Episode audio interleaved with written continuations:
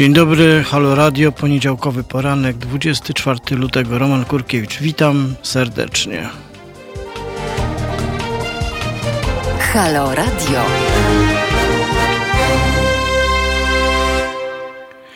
Roman Kurkiewicz, Halo Radio, poniedziałek, ostatni lutowy poniedziałek w tym roku oczywiście. W przyszłym roku będą kolejne poniedziałki jeszcze przynajmniej. W przyszłym roku najprawdopodobniej będą jeszcze kolejne poniedziałki w lutym. W tym roku to już jest ostatni taki poniedziałek. Luty, jak wszyscy wiemy, chociaż nie do końca wiemy dlaczego, jest bardzo krótkim miesiącem. Znaczy wiemy dlaczego, żeby się spasował cały rok, ale dlaczego padło na luty właściwie? Prawda? Nie wiemy. Ja nie wiem. Może tak jest lepiej powiedzieć. Ja nie wiem. Może Państwo wiedzą. To pomożecie mi. Dlaczego luty jest najkrótszy? A dlaczego nie, in, nie padło na inne miesiące? Jakieś na przykład na listopad. Też jest na L. E, też ma T w nazwie i nic z tego nie wynikło. Dobrze, tradycyjnie zaczniemy od y, mojej kontemplacyjnej lektury Eduardo Galeano, który napisał swoją książkę Dzieci Czasu e, z kalendarza dziejów ludzkości, rozpisując ją na każdy dzień. I jak to się mówi, zobaczmy, czym nas dzisiaj Galeano uraczy. 24 luty, lekcja realizmu. W 1815 roku Napoleon Bonaparte uciekł ze swojego więzienia na wyspie Elbie i wyruszył na wyprawę, która miała go zaprowadzić z powrotem na francuski tron. Parł do przodu powoli, otoczony rosnącym w siłę wojskiem, podczas gdy dziennik Le Moniteur Universel, będący ongiś jego oficjalną trybuną, zapewniał, że Francuzi mają przemożną ochotę zginąć w obronie Ludwika XVIII i nazywał Napoleona zbrojnym gwałcicielem ojczystej ziemi, cudzoziemcem wyjętym spod prawa, uzurpatorem, zdrajcą, plagą, przywódcą banitów, nieprzyjacielem Francji, mającym czelność kalać ziemię, z której go wygnano i oznajmił, to będzie ostatni akt jego szaleństwa. Ale w końcu król uciekł, bo nikt się nie kwapił, żeby oddawać za niego życie, a Napoleon zasiadł na tronie, nie oddawszy ani jednego strzału. I wówczas ten sam dziennik obwieścił, że Fortunna wiadomość o wkroczeniu Napoleona do stolicy spowodowała jednogłośny i gwałtowny wybuch radości. Wszyscy się obejmują, wiwaty na cześć jego wysokości cesarza rozlegają się w całym mieście. Do oczu napływają łzy radości. Wszyscy cieszą się na powrót bohatera Francji i przysięgają mu jak najbardziej uniżone poddanie. Tak, to był Galeano. Eduardo Galeano, urugwajski pisarz. Książka wydana przez WAB, tłumaczona przez Katarzynę Okrasko. E, no i oczywiście moglibyśmy się e, zastanawiać, o czym właściwie jest ta przypowieść. E, czy ona jest o, o takich meandrach politycznej władzy i politycznej wielkości i politycznej pozycji, która sprawia, że jednego dnia można być na dnie, a drugiego niemal na szczycie. A niewątpliwie bycie cesarzem Francji w tamtym czasie było szczytem. A może to jest po prostu opowieść o mediach. E, I tutaj ten nieszczęsny dziennik służy nam za opowieść o tym, że jest po prostu tylko chorągiewką na wietrze jak wiatr zawieje, tak się tam do niego przykłada i ułoży. No pewnie każdy z nas może sobie wyciągnąć jakąś dowolną interpretację. Chociaż nie jestem zwolennikiem, że wszystkie prawdy są równorzędne i równoważne, albo że ona, co, co gorsza, leży po środku. Tak zwany pośrodkizm jest dość nieszczęsną nieszczęsną doktryną. Tak, witam wszystkich Państwa raz jeszcze i tych, którzy nas słuchają, którzy nas oglądają. Tutaj od słuchacza, jak sądzę, jest taka sugestia, że luty od zimna się skurczył, ale mm, no, jeśli chodzi o ten luty, to to chyba nie jest bardzo prawdziwa teza, bo mieliśmy jeden z najcieplejszych lutych w historii, przynajmniej w historii pomiarów. E, ale oczywiście można powiedzieć, że skurczył się wcześniej, a teraz będzie odtajał. To być może jeśli zmiany klimatyczne będą postępować, luty będzie coraz cieplejszy, to powinien być coraz dłuższy. Chociaż nie wiem, czy przy tych wszystkich zmianach nie jest tak, że wszystkie miesiące są e, i tak cieplejsze, jeśli chodzi o ich średnie temperatury w skali globu, bo to jest interesujące. Mm, pewnie o różnych rzeczach będziemy, będziemy mówić dzisiaj w pierwszej godzinie, kiedy będę z Państwem sam. W drugiej będzie dość niezwykły gość i zaskakujący temat. Nie będę zdradzał wszystkiego od razu, ale powiem, że E, na godzinę ósmą umówiłem się u nas tutaj w studio z Filipem Springerem, jednym z najciekawszych, najlepszych polskich reporterów, autorem kilku ważnych i pasjonujących i niezwykłych książek oraz wielu innych e, tekstów. Ale rozmawiać będziemy właściwie nie o jego reportażach tym razem, nie o tym, jak wygląda Polska, jak wyglądają polskie miasta, jak wygląda na przykład stan mieszkalnictwa w Warszawie, czemu też poświęcił jedną z książek 13 pięter. Zobaczymy. Wszyscy się, wszyscy się dowiedzą, dlaczego i o czym będziemy rozmawiać z Filipem Springerem od godziny 8. A teraz jeszcze będziemy rozmawiać o innych rzeczach. Wczoraj. Mm, wczoraj e, był taki Światowy Dzień Depresji albo Przeciwdziałania Depresji.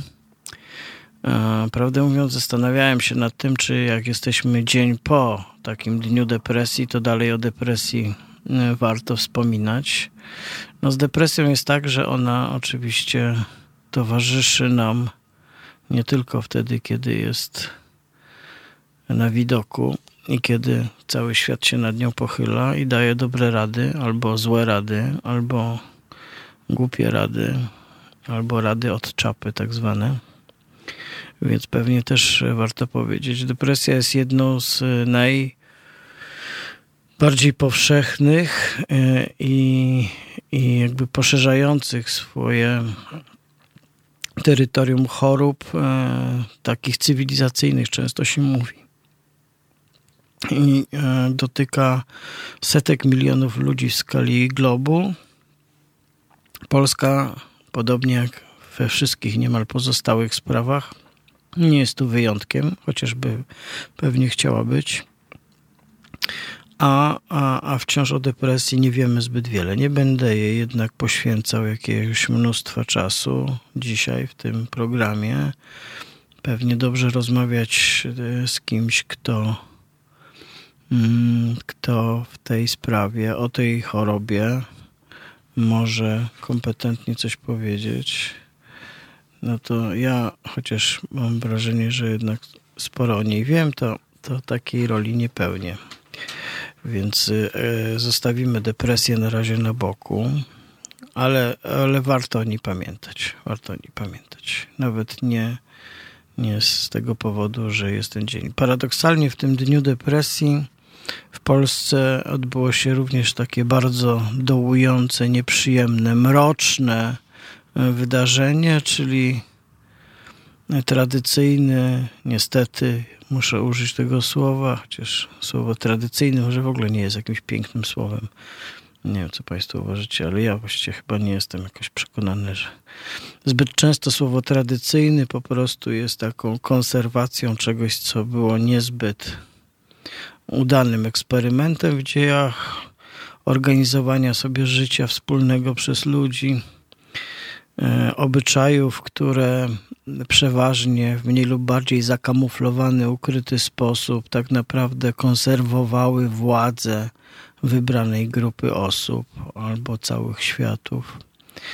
Więc zostawmy tę tradycję. A tą tradycją, o której ja wspomniałem, to jest nieszczęsny marsz e, e, organizacji skrajnie prawicowych, faszystowskich, w Hajnówce, który to marsz odbywa się ku chwale tak zwanych żołnierzy wyklętych, a właściwie niejakiego Burego, odpowiedzialnego za zbrodnie wojenne wobec e, ludności cywilnej. E, I właściwie jest hańbą, że ten marsz się odbywa, jest hańbą, że polskie państwo jest absolutnie bezradne wobec organizatorów marszu w takiej intencji i z takim przesłaniem. Jest hańbą, że policja państwowa ochrania taki marsz, niezależnie od tego, że on jest formalnie, formalnie oczywiście e, zgłoszony. Papiery są w porządku, jak to się mówi. Problem w tym, że te papiery nie widzą e, realnego zjawiska. Żyją wciąż rodziny tych, którzy wówczas tych, i, którzy zostali i zostały zamordowane Wśród ofiar były i kobiety, kobiety w ciąży, dzieci, osoby starsze, cywile po prostu. No ale e, żyjemy w takiej, w takiej mm, otoczce, która od lat tutaj się kumulowała. I nagle się okazało, że ludzie, o których powinniśmy pamiętać właściwie w jednym wymiarze, czyli pewnego wstydu i ujawnienia tego, co zrobili, i pamiętania o tym, żeby to się nie powtórzyło, nagle trafiają na sztandary do Panteonu e, i są publicznie, publicznie czczeni. E, o tym wątku chyba jeszcze porozmawiam w kolejnym wejściu tym przeklętym problemie żołnierzy przeklętych, wyklętych, jakby ich tam nie nazywać, a prawdę mówiąc, e, nielicznej grupy straceńców, którzy byli marginesem marginesów, nawet skrajnej prawicy w Polsce. Niestety każda wojna rodzi e, grupy kompletnie potrzaskane i politycznie, i psychicznie, i zdemoralizowane. I to mamy najczystszy przykład czegoś takiego. Niestety w Polsce dokonał się proces, w którym e, takie działania doczekały się gloryfikacji, w tym publicznej. E, dobra, wrócę do tego w kolejnym, w kolejnym e, wejściu, a teraz posłuchamy o hedonizmie Skunk. Zapraszam.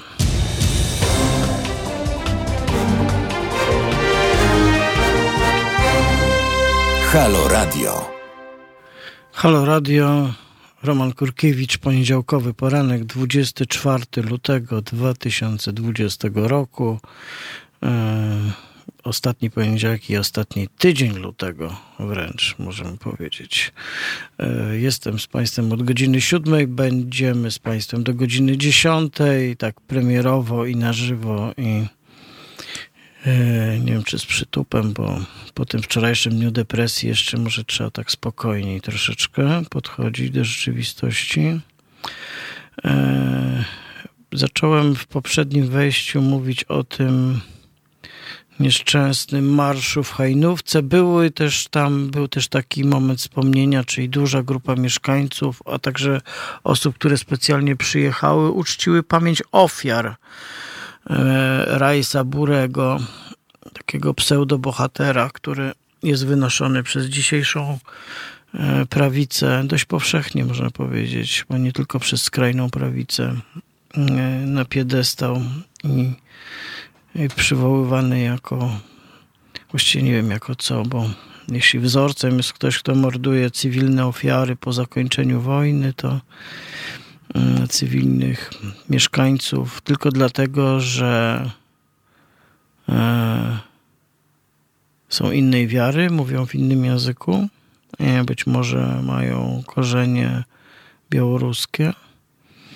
no to prawdę mówiąc, jest to ostatni powód, żeby, żeby oddawać mu cześć. No ale jest to problem większego zjawiska. Niestety nigdy dość przypominania, e, że to e, Bronisław Komorowski e, uczynił 1 marca oficjalnym państwowym świętem. Ten dzień tak zwanych żołnierzy wyklętych, dziwnego pojęcia bardzo. No i, i tak naprawdę od, od pewnie z dwóch dekad mniej więcej z taką wzrastającą intensywnością oglądamy spektakle wybielania tych zbrodni, wybielania tych postaw. Mało tego, e, próby pokazywania ich jako pewnego wzorca. No jest to dość kuriozalne stanowisko. To jest taki, jak się mówi, mm, jaskiniowy antykomunizm. E, w tygodniku Przegląd najnowszym jest e, grupa tekstów e, wokół tego tematu. Uczcijmy pamięć ofiar to jest taki tekst wprowadzający Roberta Walenciaka, który jakby próbuje całą tą historię ustawić gdzieś na nogach po prostu, z głowy na nogach. Oprócz tego mamy jeszcze tekst Jakuba Woroncowa, a też, e, też e, przegląd jest wydawcą książek, które te historie e, tak zwanych wyklętych próbują odkłamać i przeciwstawić się tej gigantycznej państwowej machinie, jaką jest Instytut Pamięci Narodowej, który z kolei uprawia tą godną pożałowania apoteozę i pochwałę e, ludzi, którzy politycznie zbłądzili, osobiście byli nieszczęśnikami, a w wymiarze realnym po prostu bardzo często byli zbrodniarzami. No cóż, tak to się toczy. Co zrobić? No, może czytać, może się dowiadywać, może zadawać pytania. Rzeczywiście. Bo cóż innego, cóż innego możemy robić. Jak chcieć wiedzieć, jak było. I stawać po stronie raczej tych, którzy byli ofiarami, a nie tych, którzy byli sprawcami. No ale nie zawsze się udaje. E, tak czy owak mamy blok tekstów w tygodniku Przegląd. E, też e, w tygodniku możemy znaleźć informacje o książkach, które Przegląd wydaje w tejże sprawie. Więc ja bardzo polecam. Na obchody 1 marca się nie wybieram. 1 marca natomiast w Warszawie odbędzie się tradycyjna manifestacja w dobrym tego słowa sensie, chociaż w w, że tak powiem, w dramatycznych, dramatycznego zdarzenia pamięć, to będzie takie spotkanie o 15 na skwerze Jolanty Brzeskiej na Dolnym Okotowie.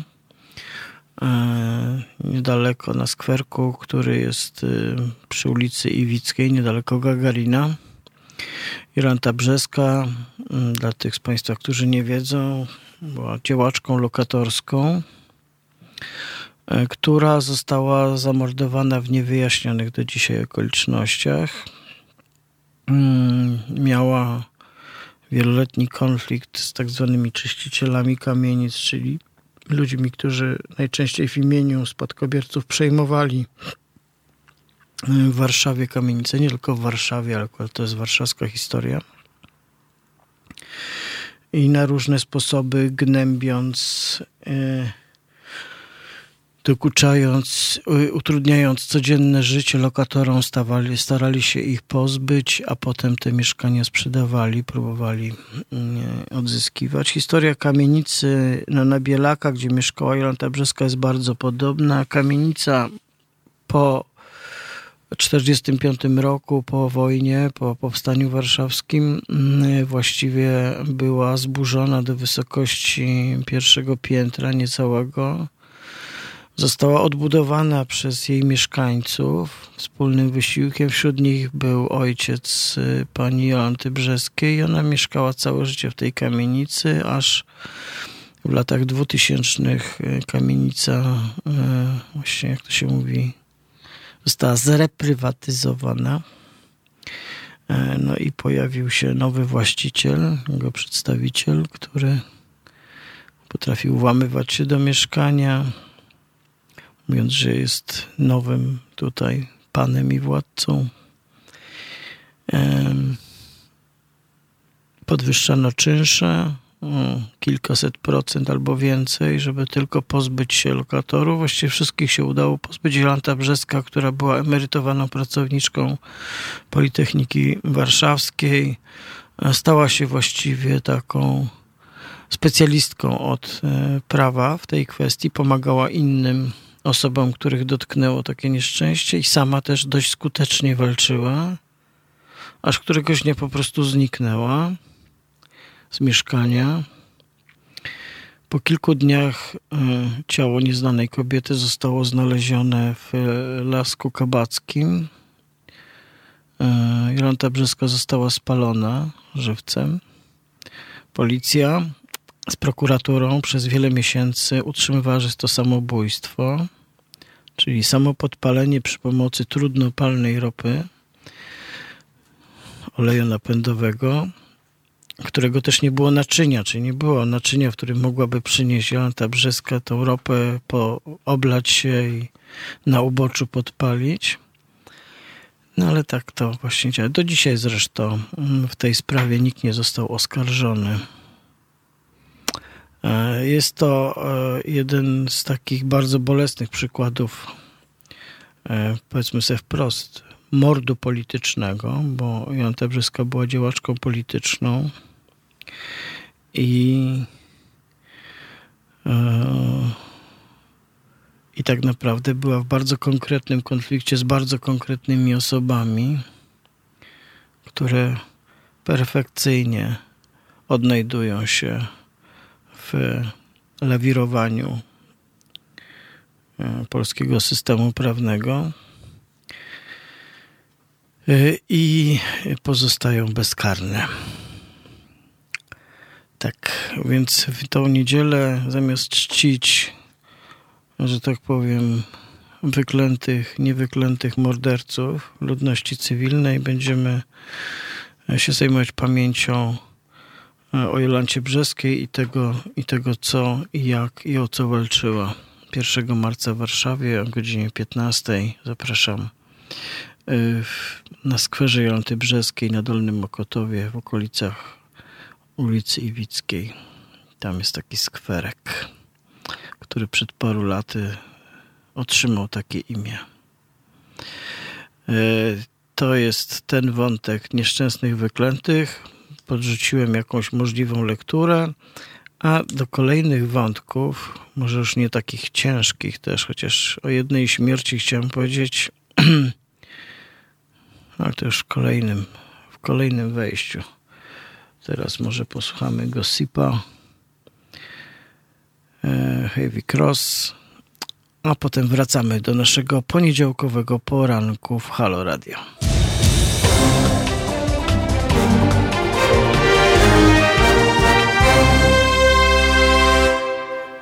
Halo Radio, dzień dobry, Roman Kurkiewicz. To jest poniedziałkowy poranek, 24 lutego, 20 rok XXI wieku. Witam Państwa serdecznie po raz kolejny. Jest godzina 7.33 wkrótce. E, zaczyna się dzień. W Warszawie skończyły się ferie. Już nie wiem, czy jeszcze jakieś inne regiony mają teraz ferie. Być może tak. To dzieciakom i młodzieży życzymy miłego odpoczywania. E, chciałem y, chyba wspomnieć jeszcze o dwóch takich historiach.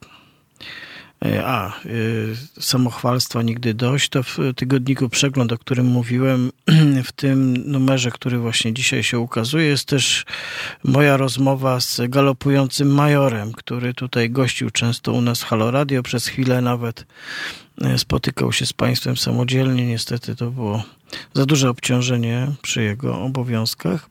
Ale w, w tym tygodniku Przegląd z racji, raczej z, z powodów mm, tego, co major mówi, a nie jakiego pytam, polecam rozmowę o języku polskiej prawicy, o języku polskiej prawicy, którą galopujący major obserwuje od kilkunastu lat, będąc blogerem głęboko zanurzonym, jak on to mówi, w otchłani i odmętach internetu gdzie wykluwał się ten dziwny język polskiej prawicy, który potrzebował niewiele ponad dekadę, żeby wejść do absolutnego mainstreamu i dzisiaj językiem, którym posługiwali się niszowi, nieznani nikomu, zakopani gdzieś głęboko pod idiotycznymi nikami prawicowcy z salonu 24.pl dla przyjaciół w tak zwanym psychiatryku. E, e, ten język trafił, e, jak to się mówi,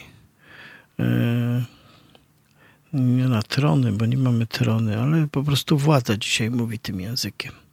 I tą opowieść o języku galopujący major, piękny, kompetentny, ale bardzo też, co jest przyjemny, złośliwy i e, dowcipny sposób komentuje, opisuje, pokazuje skąd się biorą jakie pojęcia, gdzie się narodziły, skąd się wzięły, na czym polega ten rodzaj dziwnego języka, który nie jest językiem w tradycyjnym tego słowa znaczeniu.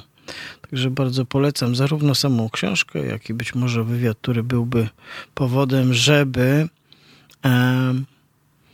żeby po tę książkę po prostu sięgnąć.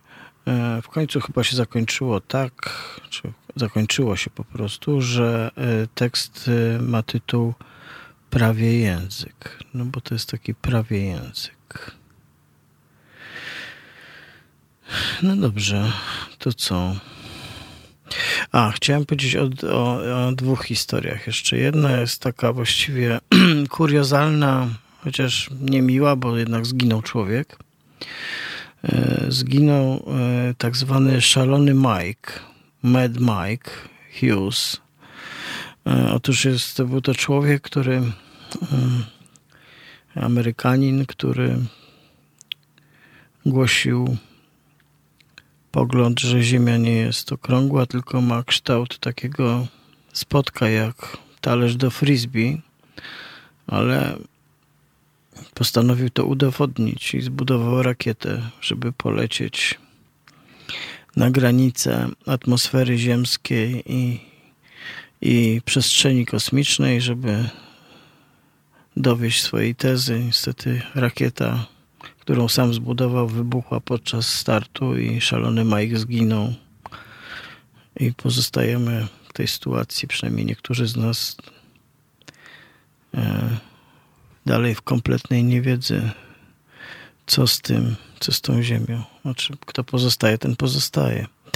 Ale druga historia, druga historia, o której chciałem powiedzieć, to też taka historia bardzo bolesna dla, mm, dla wielu katolików, takich zaangażowanych i czy jest to opowieść o, o Jeanie Vanier, to jest taki był francuski, przez niektórych uważany za proroka i świętego,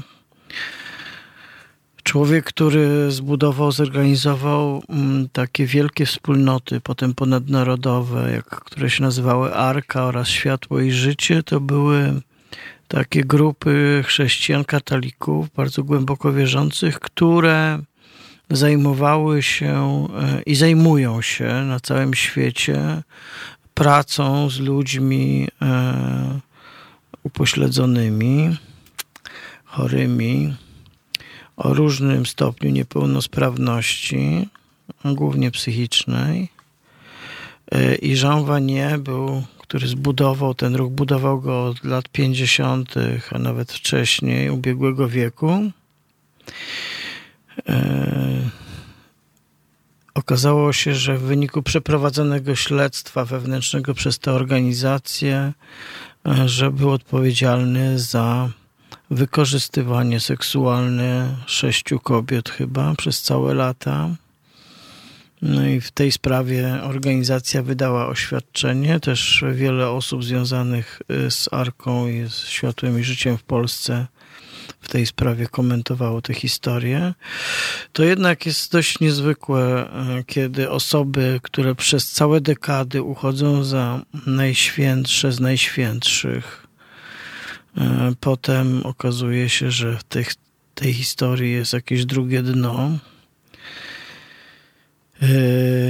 no, taka bolesna historia dla tych, którzy wierzą, że mamy świętych wśród siebie.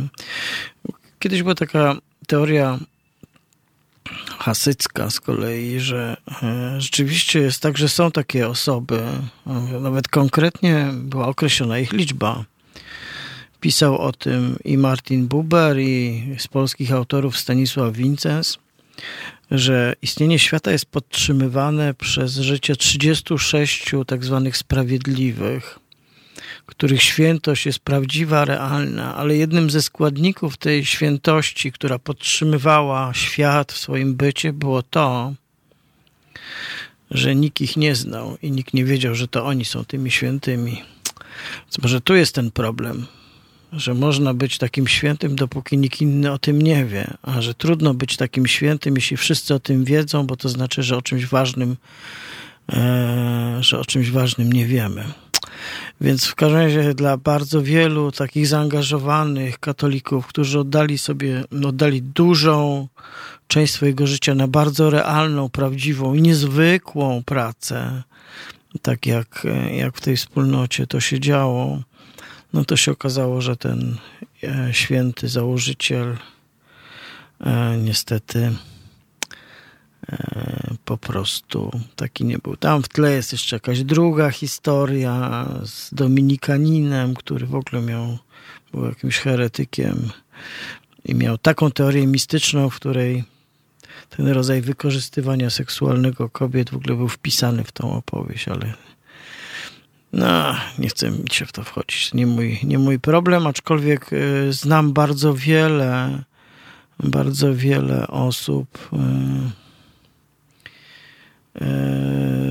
bardzo wiele osób, które się ciężką pracą angażowały w taką historię tej pomocy i istnienia tych, tych wspólnot, w którym po prostu dawano ludziom drugie życie. No przykro, przykro. Może, może to powinno być inaczej zbudowane. A może po prostu jest też tak, że jeśli mamy e, przejrzyste i transparentne struktury funkcjonowania i kontrolowane organizacje, mm, to wtedy można uniknąć takich problemów. Natomiast w tym odium tej świętości, to potem się okazuje, że wszystko to jest dużo bardziej skomplikowane albo bardziej okrutne i bardziej niespodziewane niż mogłoby się wydawać. Dobra, no to może w tej sytuacji piosenka rezerwatu Zaopiekuj się mną nie będzie zupełnie ni priczą, jak to mawiają. To po prostu teraz tego posłuchamy i wracamy do e, naszego poranka poniedziałkowego w Halo Radio. Halo Radio.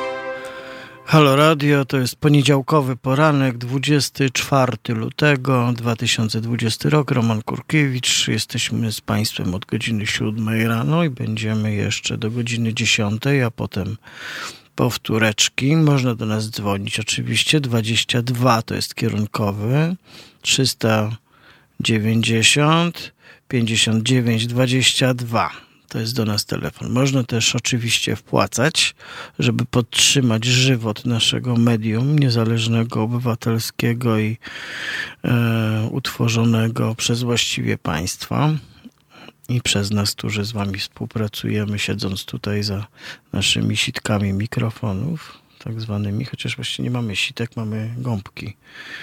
No ale to nic. Yy, tak, jak już byłem przy yy, telefonie kierunkowym, to nawiążę do niego. Nie wiem, czy Państwo się orientujecie, ale od dzisiaj, e, od dzisiaj polska policja przechodzi wielką reformę. Otóż zmieniają się powoli, to będzie trwało, ale od dzisiaj zmieniają się numery telefonów do wszystkich komend Otóż będą się wszystkie zaczynały od własnego kierunkowego, którym jest liczba 47. Oczywiście można by się zastanawiać, dlaczego 47 będzie taką liczbą, która opisuje policję, no ale tak już jest. No co prawda, jedyny ślepy chyba trop w mojej głowie, który się pojawił, to że AK-47, czyli mm, legendarny Kałasznikow miał tą nazwę w sobie. Ale czy to możliwe, żeby polska policja po prostu miała swój kierunkowy od Kałasznikowa? Nie, to chyba to chyba niemożliwe, nie? Nie wiem. Chciałem jeszcze wrócić do rozmowy o tak zwanym ekstremizmie prawicy i jest dzisiaj w Gazecie Wyborczej bardzo ciekawy wywiad e, z z Piotrem Burasem, z profesorem Piotrem Burasem, człowiekiem, który akurat na Niemczech zna się doskonale. Jest obecnie szefem Warszawskiego Biura Europejskiej Rady Stosunków Zagranicznych. E, I e, w Gazecie Wyborczej jest wywiad e, z takim długim, nie do przeczytania tytułem właściwie, ekstremistyczna fala w Niemczech jest gorzej niż w latach 70., kiedy atakowało RAF, czyli Rotę Armii Frakcjon, czyli ar, frakcja Armii Czerwonej, czyli frakcja Czerwonej Armii.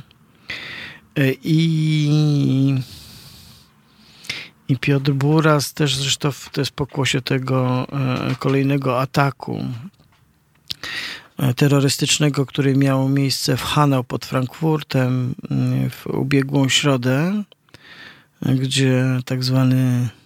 To jest bardzo ciekawe, że nawet w tym tekście Gazety Wyborczej, kiedy opisywane jest to wydarzenie, to nie pada słowo terrorysta, bo on był biały i strzelał do muzułmanów. Więc rozumiecie Państwo, że jak ktoś jest biały, białym mężczyzną z Europy albo ze Stanów i strzela do kogokolwiek innego, powodowany rasistowskimi przekonaniami albo faszystowskimi, a wszystkie on miał w pakiecie, to wtedy nie mówimy, że to jest terrorysta. Nie, wtedy mówimy że co najwyżej, że to jest prawicowy ekstremista. E, w każdym razie mm, jest e, rozmowa z Piotrem Burasem, który na samym początku tego tekstu, pytany, czy Niemcy zalewa podobna fara, podobnego terroru do tego z drugiej połowy lat 70., za który odpowiedzialna była RAF, to Piotr Buras powiedział, sądzę, że jest nawet gorzej niż wtedy. Lewicowy ekstremizm lat 70. późniejszych był skierowany przede wszystkim przeciwko kapitalizmowi i przeciwko Stanom Zjednoczonym i przeciwko NATO, można by dodać. Teraz prawicowy terroryzm wymierzony jest w cały model społeczny i wartości, jakie to społeczeństwo reprezentuje. Poszanowanie praw człowieka, równość czy demokrację liberalną. Przemoc nie jest wymierzona w konkretne instytucje czy przedstawicieli władzy, ale we wszystkich. E, myślę, że z, z całym sercem może polecić Państwu lekturę tego wywiadu e, z Piotrem Burasem w Gazecie Wyborczej, bo, bo rzeczywiście on pokazuje zjawisko, o którym e, chyba za mało mówimy, za mało się nad nim zastanawiamy. Polska oczywiście mm, dzisiaj jeszcze nie jest krajem z tak, obe, z tak obecną przemocą e, prawicową jak w Niemczech. Z drugiej jednak strony w ubiegłym tygodniu mieliśmy bardzo niepokojące wydarzenie, czyli wyrok sądu w sprawie tak zwanego terroryzmu lubelskiego, który oczywiście nie jest tak nazywany, ponieważ no, kto jest autorem? No, biały mężczyzna o prawicowych poglądach, no więc wtedy nie mamy terrorysty, prawda? Otóż ów y, młody mężczyzna wraz z małżonką, bo jak wiadomo, prawdziwa rodzina to chłopak i dziewczyna i oni dokładnie wy, wyznawali takie poglądy.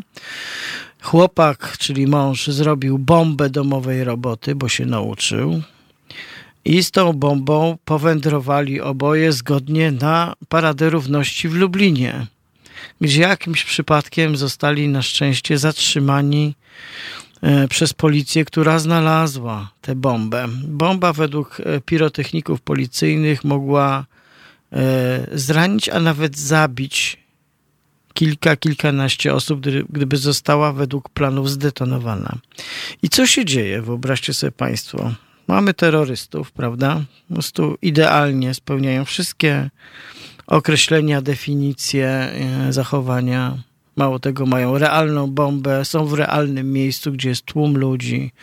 Mają bardzo sprecyzowany za, zamiar odpalenia tej bomby. Zostają ujęci i e, sąd ich skazuje na karę Otóż sąd ich skazał na karę roku więzienia, po czym zaliczył im areszt poczet kary, po czym właściwie za chwilę oni wyjdą.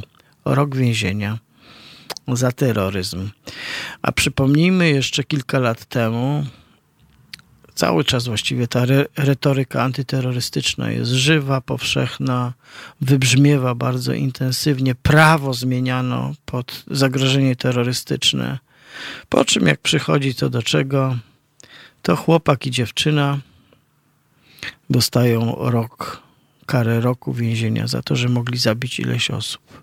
No ale z drugiej strony w tym samym czasie policjanci odpowiedzialni za śmierć Igora Stachowiaka na komisariacie, który był torturowany, co sąd przyznaje, ale nie wiadomo do końca na jakiej podstawie uznaje, że tortury, bicie mm, człowieka skutego z tyłu kadetkami, który został zresztą zatrzymany kompletnie przypadkowo i bez powodu, nie, mają, nie miały wpływu na jego śmierć. Ci policjanci zostali skazani na dwa lata więzienia. W tym samym czasie prokuratura oskarża trzech mężczyzn e, o to, że zwalili pomnik prałata Jankowskiego w Gdańsku, kapelana Solidarności, na którym ciążą ciążyły e, właściwie bardzo poważne zarzuty o wykorzystywanie seksualne dzieci przez kilkadziesiąt lat jego tak zwanej posługi. Otóż za zwalenie pomnika razi, y, grozi owym mężczyznom 5 lat więzienia. Taką mamy, taką mamy Polskę. 5 lat za zwalenie pomnika pedofila, 2 lata za śmierć realnego człowieka i 1 rok za próbę przeprowadzenia zamachu bombowego wśród tłumu pokojowo manifestujących ludzi. Polska. Witamy, witamy w Polsce. Dobrze, witamy w Polsce. To e, Walk This Way, Aerosmith, a potem nowa odsłona naszej rozmowy, pasjonująca, dwugodzinna, mam nadzieję.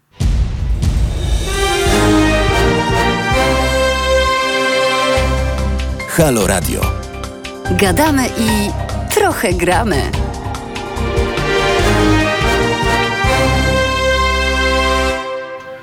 Roman Kurkiewicz, to jest e, poniedziałkowy poranek e, w Halo Radio. E, jest 24 lutego. To chyba są urodziny Witkacego. Nie wiem tego. Najlepszego Witkacy. Najlepszego. I tak jak Państwu zapowiadałem, jest z nami już gość Filip Springer. Dzień dobry. Dzień dobry. Reporter, autor e, kilku bardzo ważnych, nagradzanych, uznanych i poczytnych książek, prawda? No nie wiem, to tobie no tak, mówić. Tak, no nie nagrody to jest, to jest obiektywna rzeczywistość. Tak? No tych nagród nie było za dużo, więc znowu tam nie w to. Ale były ważne nominacje i tak dalej. E, autor między innymi e, takich książek jak Miedzianka, Źle urodzone, reportaż o architekturze PRL-u, e, książka o Zofii Oskarze Hansenach, Zaczyn, Wanna z kolumnadą, reportaż o polskiej przestrzeni 13 pięter, Miasto Archipelag. Na razie zostawmy te, tak? 12... No już to była ostatnia, 12 nie myśl, że uciekniesz. Tak, 12 nie myśl, że uciekniesz. I no jeszcze Księga Zachwytów, tak? Tak jest. Tak jest. I, ale nie będziemy właściwie rozmawiać. Chyba, że jakoś uciekniemy, dojdziemy. Oczywiście można powiedzieć tak, że w jakimś wywiadzie opowiadając o swoich książkach i o swoim pisaniu, mówiłeś, e, mówiłeś, że właściwie bardziej cię zajmuje zawsze przestrzeń, budynki, pejzaż, taki estetyczny wymiar tego, co w Polsce się stało z tym, jak mieszkamy, jak żyjemy, w jakim otoczeniu to się dzieje. W 13 piętrach e, e, snujesz taką opowieść o tym, czym były mieszkania w przedwojennej Polsce, a właściwie brak tych mieszkań, nędza i próby i pomysły na to, żeby z tego wyjść i co się dzieje dzisiaj z tym wszystkim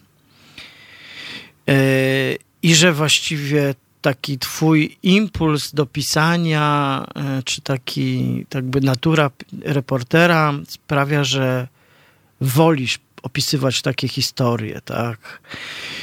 A spotykamy się zupełnie y, jakby z innego powodu, bo w y, miesięczniku Pismo, bardzo pasjonującym periodyku, ukazującym się od ponad dwóch lat, gdzie jesteś ważnym autorem, gdzie z kolei na przykład popełniłeś cykl świetnych tekstów y, wokół zmiany klimatycznej, ale znowu śledząc miejsca, tak?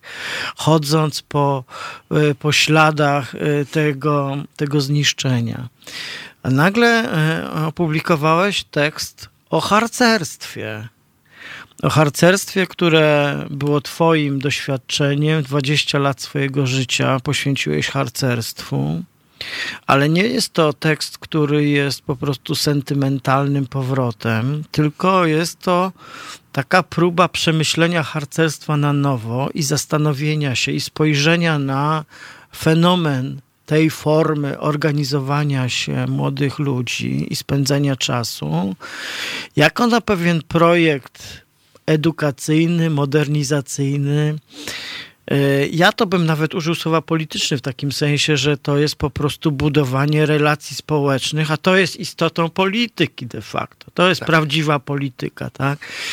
I to, co ty robisz w tym tekście, to mówisz, to jest właściwie fenomen, to jest żywe coś złego stało się z tradycją harcerską, ale być może warto o tym pomyśleć i porozmawiać na nowo. Tak jakoś, tak w skrócie bym zaprezentował twój tekst, który oczywiście państwu mm, polecam. On ma taki e, w sumie może tytuł nie jest najmocniejszą stroną tego tekstu. Bo mi zmienili a, w cyfrowej wersji. A, w papierowej wersji tytuł jest, jest problem z gawędą. Problem a. z gawędą, natomiast w cyfrowej, w cyfrowej jest rebranding polskiego harcerstwa. No, rebranding dlatego i akurat może nie brzmi to najfortunniej, ale zgadzam się z tym całkowicie, że zaraz pewnie dojdziemy do tych najmocniejszych stron harcerstwa, ale ja teraz mam większe przekonanie, że bardzo wiele rzeczy, które próbuje się dzisiaj mi sprzedać jako warsztaty z uważności albo wyjazd dzikich ojców z dzikimi synami, e,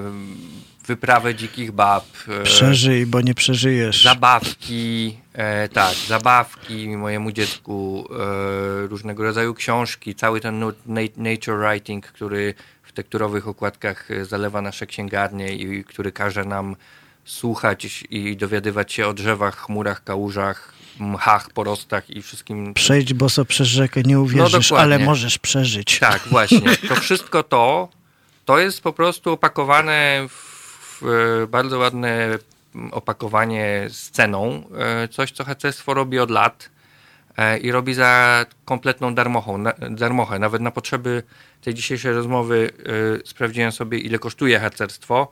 No i w Związku Harcerstwa Polskiego, czyli w tym, w którym ja się wychowałem i który jest największy w Polsce, kosztuje 120 zł rocznie, czyli zapisanie dziecka do harcerstwa. Na harcerkę harcerza. Na harcerkę harcerza. Na zucha zuszkę. 10 zł miesięcznie, bo tyle wynosi składka e, harcerska w tej chwili.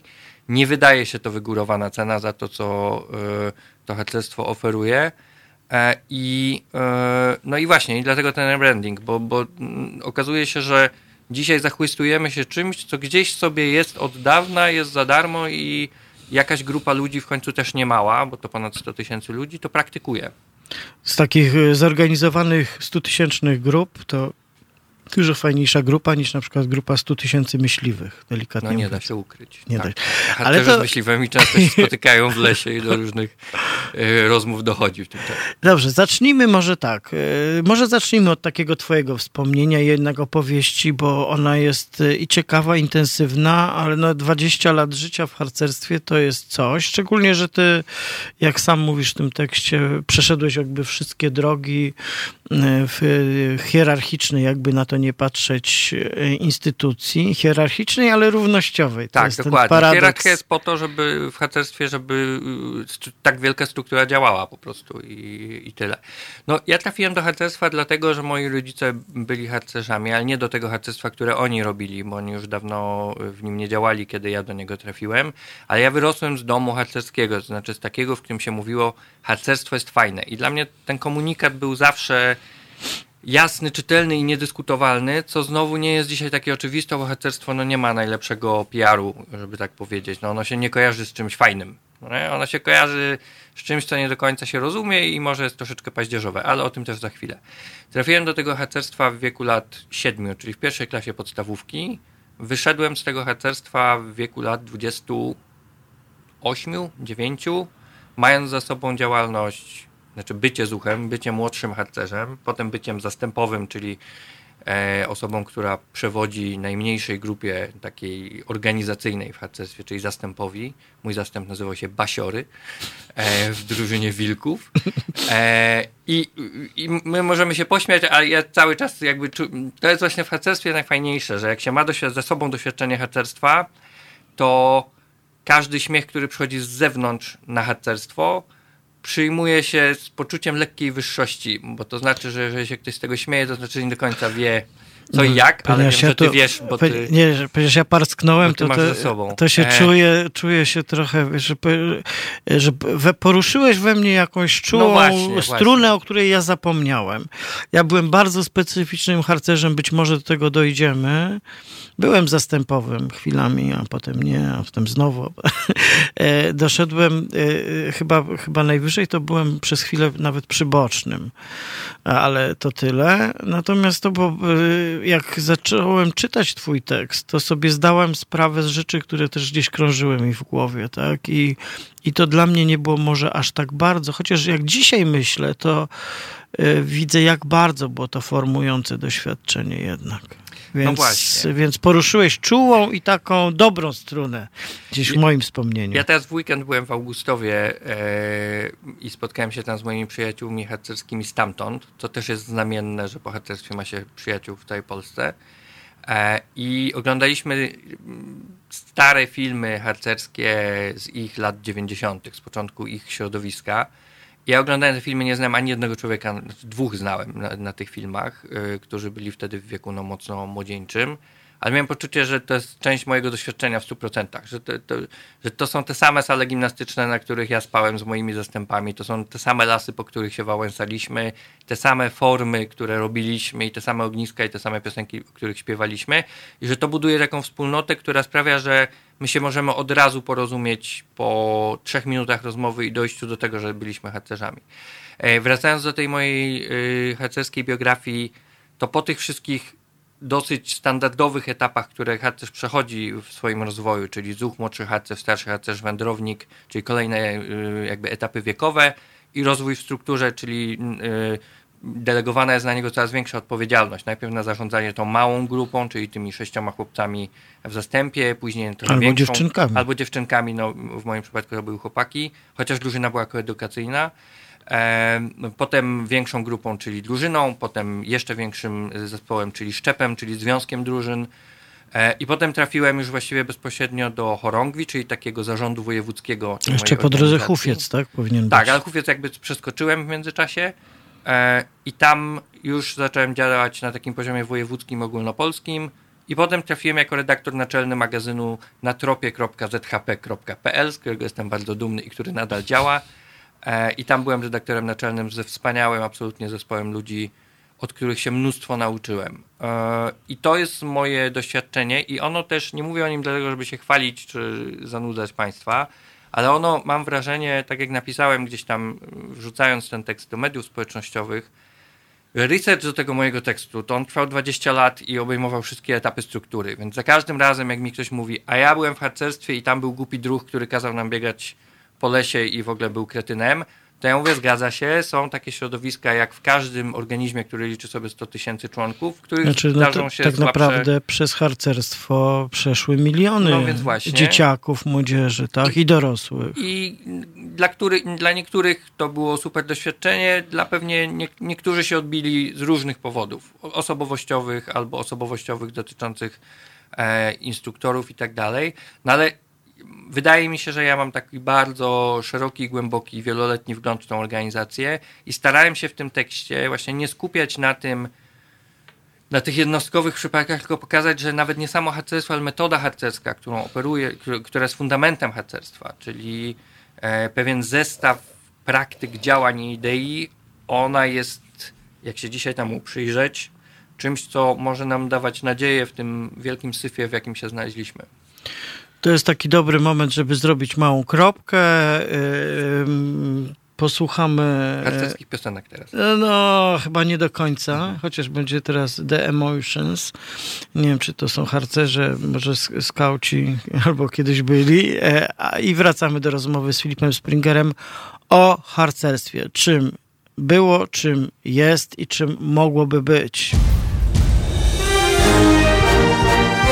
Halo Radio. Pierwsze radio z wizją.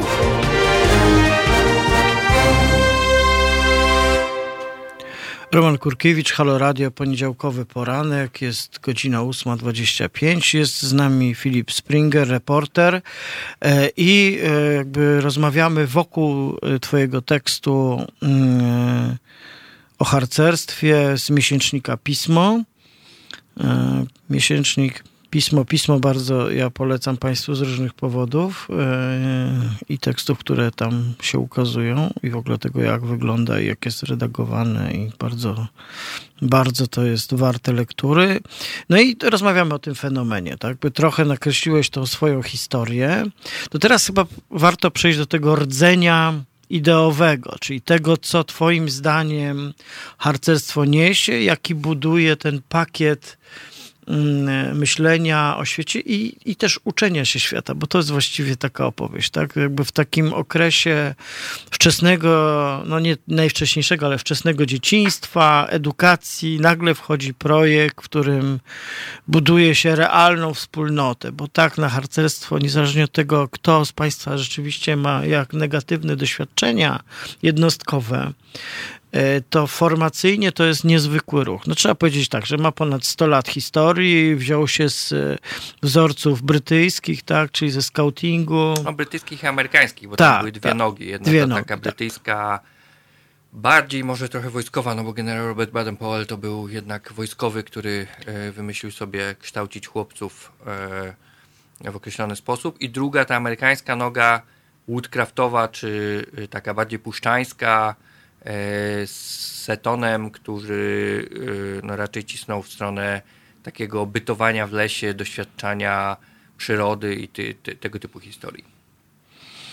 No właśnie. No w Polsce to jest y, trochę bardziej skomplikowane, bo oczywiście nałożyło się to powstanie ruchu skautowego na czas y, zaborów, w związku z czym od razu y, no, zostało harcerstwo, harcerstwo zaprzągnięte do wszelkiego rodzaju działań mm, niepodległościowych.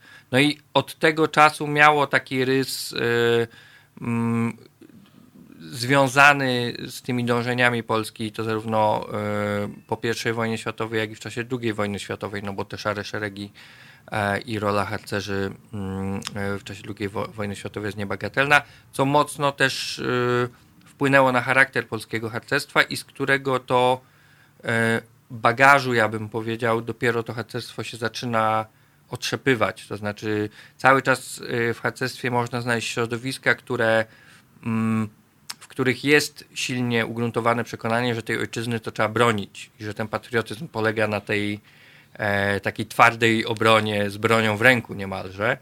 E, natomiast e, istotą patriotyzmu harcerskiego to jest taki organiczny, pozytywistyczny patriotyzm, to znaczy być dobrym obywatelem, być dobrym pracownikiem albo pracodawcą, e, członkiem swojej małej lokalnej społeczności. E, I tutaj innej wykładni w harcerstwie nie ma. To znaczy, że budujemy nasz świat na czas pokoju i że ten pokój jest też e, czymś niezwykle cennym i ważnym. No właśnie, to jest taki wątek chyba bardzo ciekawy, bo ja dzisiaj zaczynałem, wiesz, rozmowę od, e, od nieprzyjemnych wydarzeń w Hajnówce wczoraj i, i właściwie często e, też jak rozmawiam z, może nie, nie ze studentami na przykład, tak jak rozmawiam o tym, o jakby problematyce związanej z wzorcami I wtedy próbuję usłyszeć na przykład tak, y, o co chodzi, jakim wzorcem jest żołnierz wyklęty, jakiego, jakiego typu działanie, co dzisiaj w XXI wieku. Jakiego, mhm. jakiego mhm. typu zachowania, jakiego, czego możemy się nauczyć? Masz po, postać skrajnie dramatyczną, dramatyczną, rozdartą, zagubioną, będącą na marginesie, próbującą w czasie pokoju walczyć z bronią w ręku. Nie wiadomo do końca w imię jakiego ideału, w imię złego ideału, powiedzmy sobie wprost. Tak? No to w harcerstwie masz wzorzec tak zwany osobisty przykład instruktora. To jest podstawowy wzorzec, instruktor, który prowadzi e, tą jednostkę harcerską, czy to jest zastęp, czy to jest już bardziej drużyna. To jest człowiek, który e, musi z jednej strony rozwijać się w harcerstwie, czyli zdobywać kolejne stopnie, a z drugiej strony osiągnięcie każdego kolejnego stopnia w harcerstwie jest uwarunkowane tym, że on się rozwija poza harcerską. To znaczy, że osiąga kolejne poziomy mistrzostwa w swojej pracy, Y, że się kształci i doskonali na polach, które sobie wybrał, niekoniecznie zawodowych, ale też na przykład służby.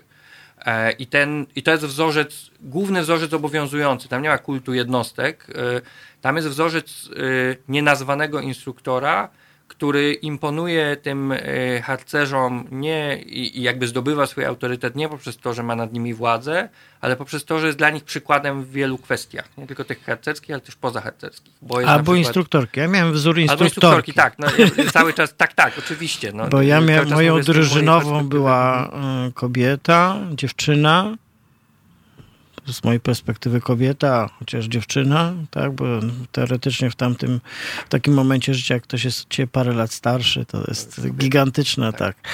I, I, tak, i to, i to właściwie mam takie poczucie, że, że, tak to, że tak to działało, nie? że po pierwsze tak, uczyliśmy się też takich teoretycznie niby, niby zwykłych rzeczy, ale jakby były one, one przez to, że były naszym udziałem, stawały się oczywistością, że tak to powinno wyglądać, że wspólnie przygotowujemy posiłek, że wspólnie po sobie sprzątamy, że e, to są obowiązki rozkładane równo między chłopców i dziewczęta e, e, i że się że jeżeli kogoś dbamy z nas o nie siebie. stać na obóz, to jedziemy na tańszy obóz, tak. albo robimy tak, żeby wszystkich nas było stać. Tak. że, że pomagamy że to jest chyba najważniejsze. Bo jak mówimy o tym pakiecie czy środowisku, w jakie się wchodzi wchodząc do harcerstwa, to z jednej strony mówimy o bardzo silnej grupie rówieśniczej, która poprzez wspólnotę doświadczeń, wspólne leśne bytowanie, wędrówki, ten deszcz pod Baligrodem, to błoto gdzieś tam e, w Puszczy Noteckiej, buduje bardzo silną między sobą więź. więź. I ta więź trwa o wiele dłużej niż często działalność harcerska. E, to po pierwsze. Po drugie, i to wydaje mi się czymś absolutnie dzisiaj fundamentalnym, nawet ważniejszym niż te demokratyczne mechanizmy, które są zakodowane w harcerstwie, o czym zaraz powiem, to jest to, że harcerstwo od samego początku właściwie buduje taką konieczność pomagania innym. Że to jest coś tak absolutnie wpisanego w harcerstwo, że my pomagamy sobie nawzajem, ale też pomagamy innym, że, że służba jest takim komponentem na każdym poziomie właściwie y, działalności harcerskiej, e, że, że musimy pomagać, służyć, zawsze widzieć kogoś, kto potrzebuje tej pomocy i próbować się odnieść y, do tej potrzeby, że później ci ludzie są absolutnie mm, liderami w tym uwrażliwieniu na, na to, co, co dzieje się wokół, że oni nie potrafią. Ja mam całą masę ludzi, znajomych, którzy robią już swoje kariery, pracują jako prawnicy, bizneswoman i biznesmen i w ogóle robią przeróżne rzeczy, a jednocześnie są cały czas bardzo zaangażowani w to, żeby w jakiś sposób pomagać. To, jak wiele na przykład, e, ostatnio moi znajomi harcerscy brali udział w akcji Szlachetna Paczka i żeby zgromadzić rzeczy, które kupili dla rodzin w ramach Szlachetnej Paczki, musieli wynająć salę gimnastyczną, tak dużo tego było. E, więc e, to jest, wydaje mi się, coś w tych, e, w tych dzisiejszych czasach absolutnie nie, nie da się tego przecenić. I trzecia rzecz, która wydaje mi się w tym środowisku harcerskim jest fundamentalna dla naszych wyzwań na przyszłość, to jest to, że harcerstwo dzieje się w przyrodzie, dzieje się w naturze i jest właściwie nierozerwalnie związane z tą naturą, że trzeba jechać do lasu, żeby uprawiać harcerstwo, a to oznacza, że buduje to więź z tym lasem, a to oznacza, że buduje więź w ogóle e, z naturą, a bez takiej emocjonalnej, szczerej więzi z naturą, to my nie, nie rozwiążemy problemów związanych z katastrofą e, ekologiczną. I to są rzeczy, które z harcerstwa się wynosi i które stają się właściwie fundamentalną częścią osobowości i, i to jest nie do przecenienia.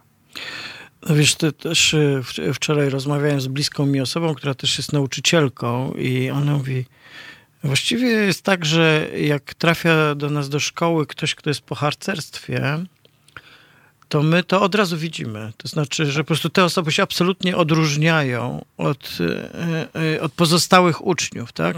Jak to jest takie proste słowo, są ogarnięte. Mhm. E, rozwiązują same problemy, są samodzielne. Tak. tak. To jest takie kluczowe słowo, nie? że harcerstwo było przestrzenią, gdzie musiałeś, ale też mogłeś być samodzielny. Tak? tak, to, tak. to czasami e, widziałem taki rysunek kiedyś e, satyryczny. Zawsze mam taką słabość, opowiadam w radio o rysunkach e, satyrycznych. Wiesz, stoją dwie matki z córeczkami i jedna mówi do drugiej, to niesamowite, mówi jak pani e, córeczka jest samodzielna, jak pani to robi? Ona mówi, pozwalam jej. Tak, tak, tak, dokładnie. No, normą jest, że jak jedzie nawet na wielkich imprezach harcerskich, e, że y, pracuje się w grupie tych, ma, znaczy systemem małych grup, czyli w zastępach i ten zastęp na przykład kilkunastolatków, albo trzynastolatków, dwunastolatków dostaje na obiad nie gotowy obiad, ale surowego kurczaka, surowego ziemniaki, surowe ziemniaki, paczkę przypraw, e, zapałki, e, kopkę drewna. O kurczakach to nie e, chcę mówić, bo mam takie wspomnienie z obozu, e, wiesz, na którym byłem i akurat miałem taki dyżur czy służbę, jak to się mówiło, taką wachtę, wiem, w kuchni, kiedy Chyba nam kazali obcinać głowy tym kurczakom. Ja tego nie robiłem, ale pamiętam te biegające bez głów kurczaki do dzisiaj. Bywa i tak i nikt, y, żaden odpowiedzialny instruktor na to y, nie pozwoli.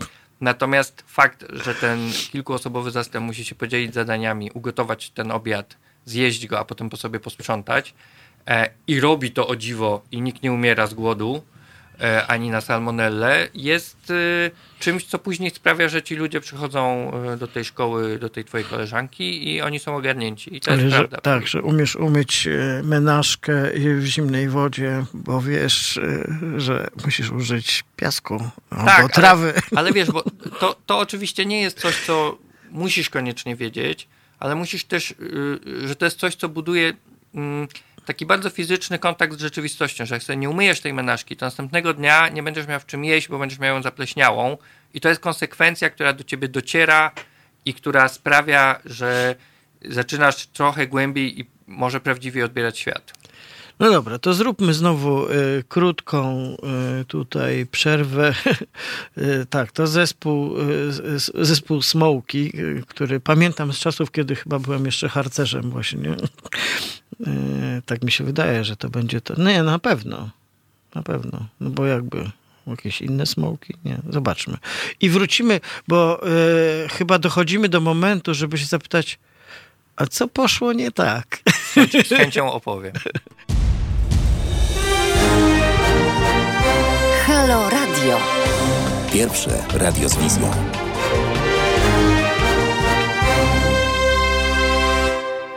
Roman Kurkiewicz, Halo Radio, poniedziałkowy poranek, czuj, czuj, czuwaj. Czuwaj.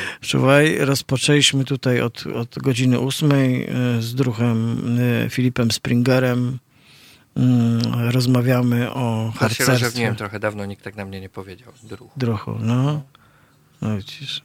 No, do, mnie tym bardziej, bo ja byłem takim, no, takim dziwnym harcerzem, takim, takim, ale to mnie, wiesz, też uwiodło w tej twojej opowieści, że, że jakby znam cię z tych książek, które są dla mnie i ważne, i ciekawe, bardzo je lubię czytać, nawet ze studentami o nich rozmawiam i że nagle mi wyskoczyłeś z tym harcerstwem, że nagle się pojawił człowiek żywy i, i ta wspólnota, nie? To jest taki problem, bo ja też mam taki, też mam taki problem, nie? Że ciężko z ludźmi e, we wspólnotę. Ja generalnie lubię to myślenie o wspólnocie, uważam, że ona jest ważna, że jest dramatem takie zindywidualizowanie naszych potrzeb, zachowań, mechanizmów, edukacji, że to jest koszmar po prostu i nieskuteczny na dodatek, albo właściwie askuteczny wręcz, prze, prze, e, przeszkadzający w tym, żeby się dobrze rozwijać. Z drugiej strony też nie przepadam za wspólnotami, nie? ale jak sobie wrócę do tego myślenia o przygodzie z harcerstwem,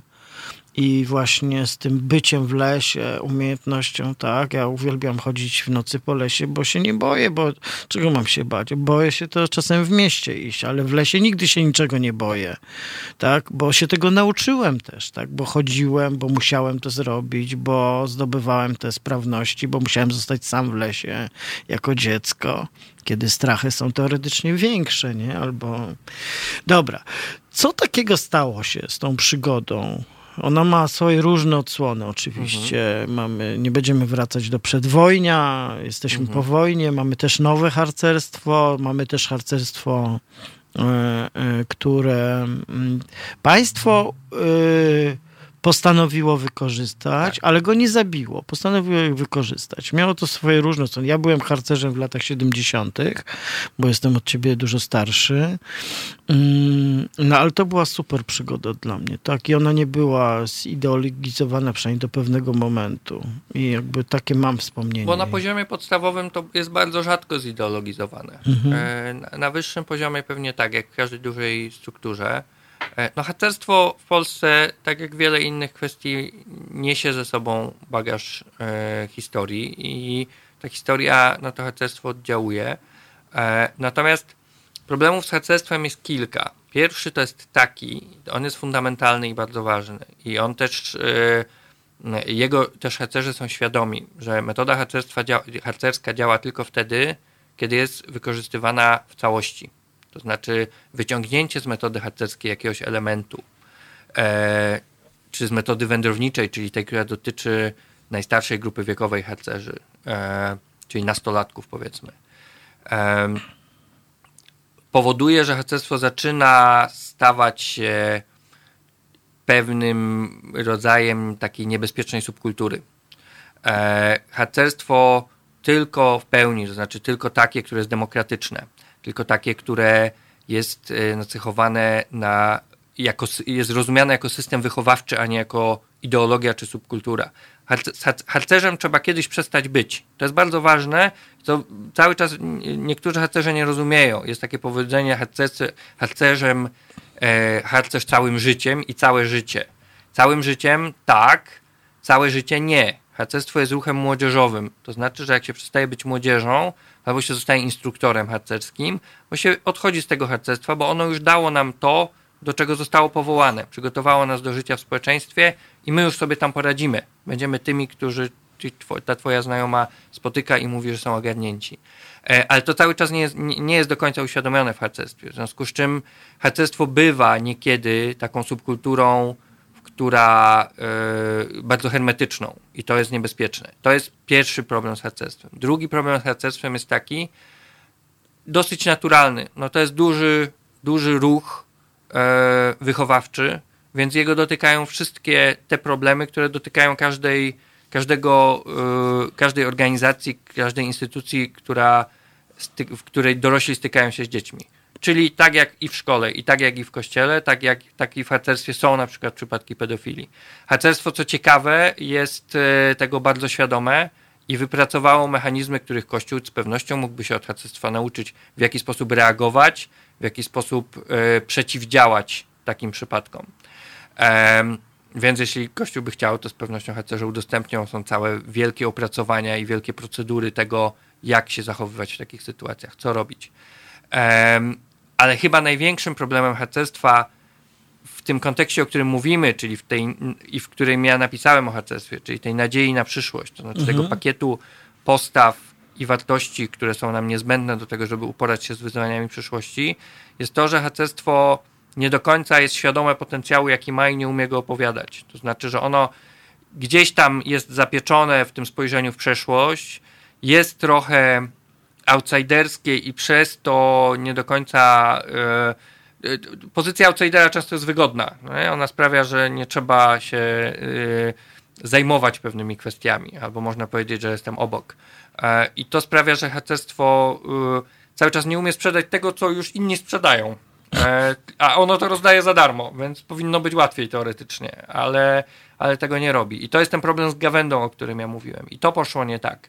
E, natomiast cały czas jestem przekonany, ja miałem też tak, żeby też o tej mojej harcerskiej biografii nie mówić w samych superlatywach. Ja odchodziłem z harcerstwa uważając, że trzeba tą organizację kijem rozgonić. Mhm. E, odchodziłem w, gdzieś tam w okolicach roku 2008, prowadząc tą ogólnopolską gazetę i mając poczucie, że ja mogę sobie pisać i ci wszyscy moi współpracownicy w tej redakcji mogą sobie pisać o tym, jak bardzo musimy być e, nowocześni, jak bardzo, musimy patrzeć w przyszłość, jak bardzo wyzwania tej przyszłości, że może już niekoniecznie musimy się uczyć alfabetu Morsa, bo wszyscy mamy komórki, więc po cholerę nam ten Mors. I to się spotykało z całkowitym niezrozumieniem. Ja miałem takie poczucie, że to jest właśnie taka organizacja starych dziadów albo młodych dziadów i już nic z tego nigdy nie będzie. Odchodziłem stamtąd myśląc, że, e, że już nigdy nic więcej nie chcę mieć z tym wspólnego ale trochę dorosłem, urodził mi się syn i jak sobie myślę, że ten mój trzyletni dziś e, syn, czteroletni prawie, e, mógłby kiedyś przeżyć e, to doświadczenie, te, to rozemocjonowanie e, deszczu walącego o płótno namiotu i poczucie, że teraz trzeba rozpalić w tym deszczu ognisko, żeby zjeść śniadanie i że to jest coś absolutnie prawdziwego i namacalnego i dającego kontakt ze, ze światem, no to w ogóle bez dwóch zdań. I teraz się bardziej stresuje tym, że on nie będzie chciał, niż tym, czy na pewno go tam w ogóle zaprowadzić. I myślę, że sięganie do rdzenia harcerstwa, to, to jest też ciekawe, że ono się, ono było zawsze nowoczesne, że ono zawsze swoją metodą patrzyło w przyszłość, mimo że y, wykonanie tej metody czas, czasem było mocno obarczone przeszłością, ale metoda harcerska jest nakierowana na przyszłość i ono się sprawdziło w każdych warunkach. Totalitaryzmu, oczywiście były te smutne historie wykorzystania przez państwo, harcerska służba Polsce socjalistycznej, tak?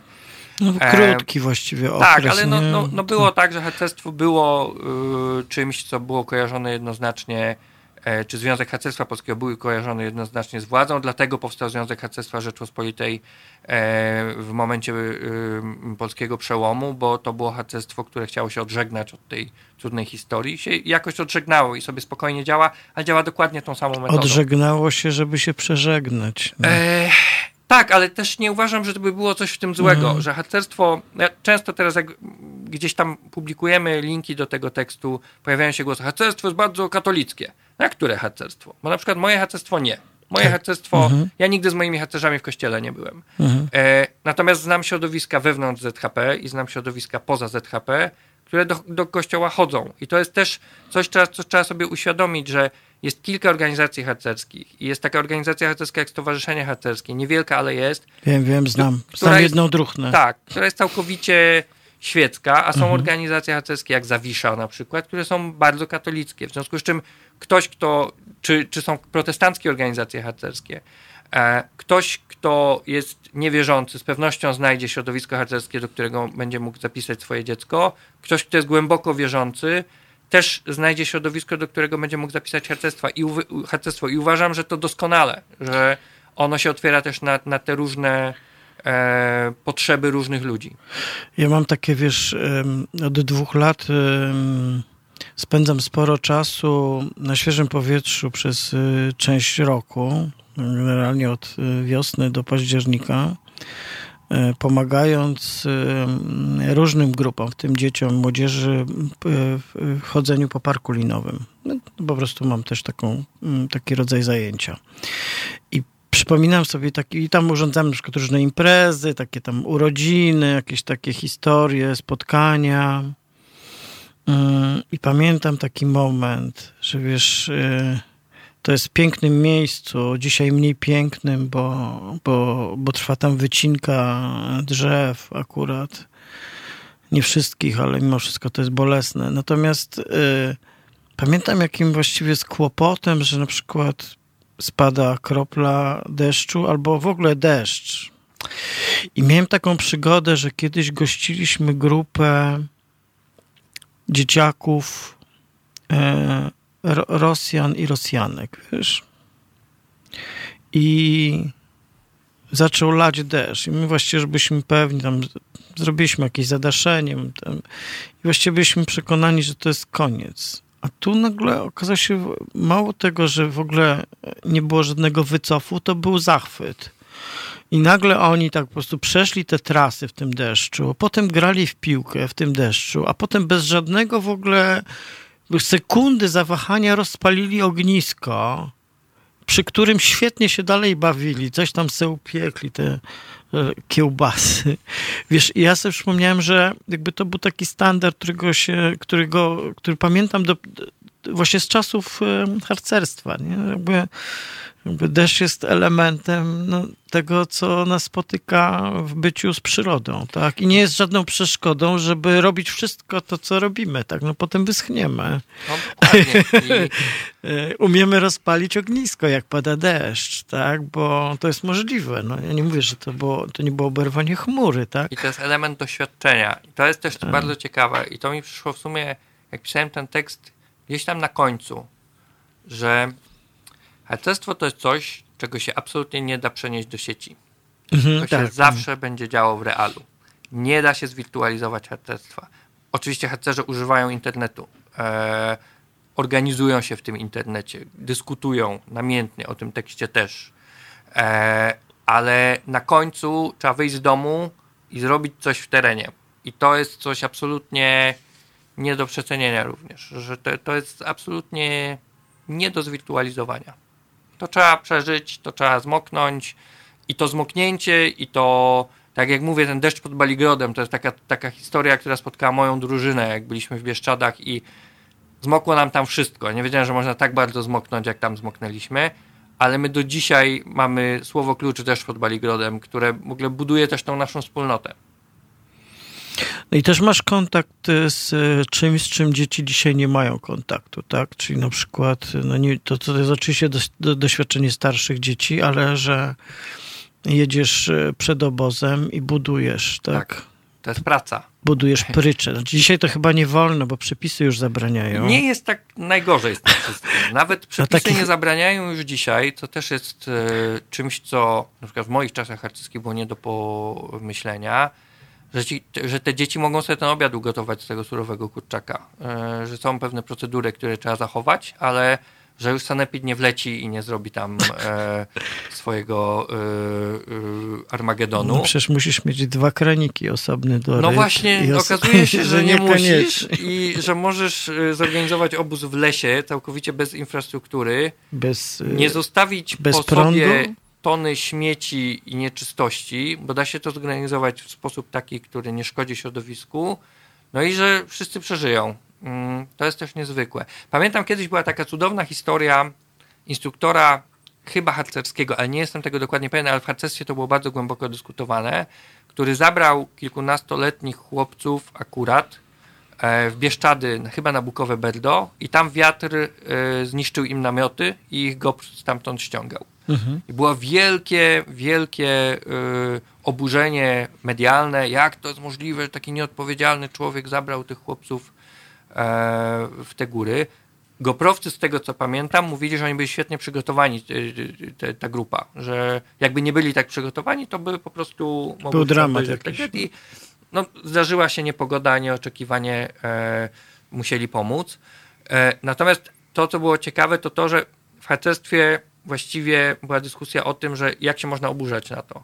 To jest element doświadczenia. Oczywiście takich sytuacji, w których trzeba wezwać służbę ratunkową, to jest promil, no, ale jak się cza, czasem może się coś zdarzyć yy, wszędzie.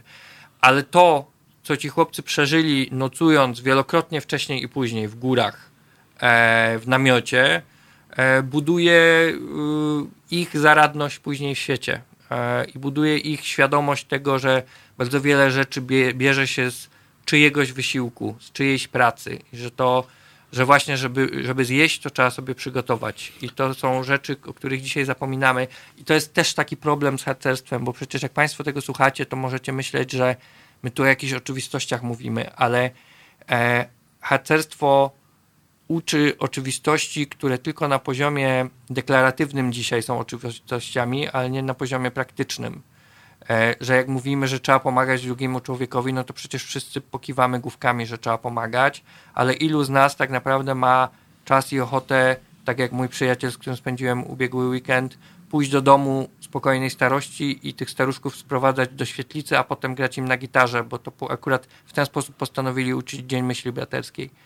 E, no niewielu z nas ma na to czas, ochotę i chęć. E, a harcerze tak akurat wymyślili, że spędzą ten najważniejszy dla siebie dzień. Pójdą w Łodzi e, do domu spokojnej starości i trochę zabawią tych staruszków, którzy tam siedzą i pewnie patrzą cały czas w telewizor.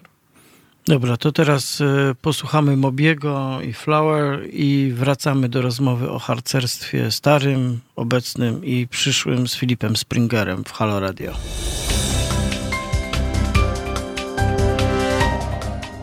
No? Jingle, jingle, jingle, jingle. Jesteśmy tutaj. Czuwaj wszystkim słuchaczom i słuchaczkom. Tak, zagadaliśmy się tutaj, odpłynęliśmy w harcerstwo. Robić tak, tak, ja jesteśmy w końcu w radiu, tylko opowiadamy o harcerstwie. No dobra, to tak, bo y, rozmawialiśmy, y, rozmawialiśmy o tym wbrew temu, co tutaj pan Ryszard komentuje, z absolutną pasją teraz, jak nas nie słyszeliście. Rozmawialiśmy o trzech piórach, tak? O takiej tak.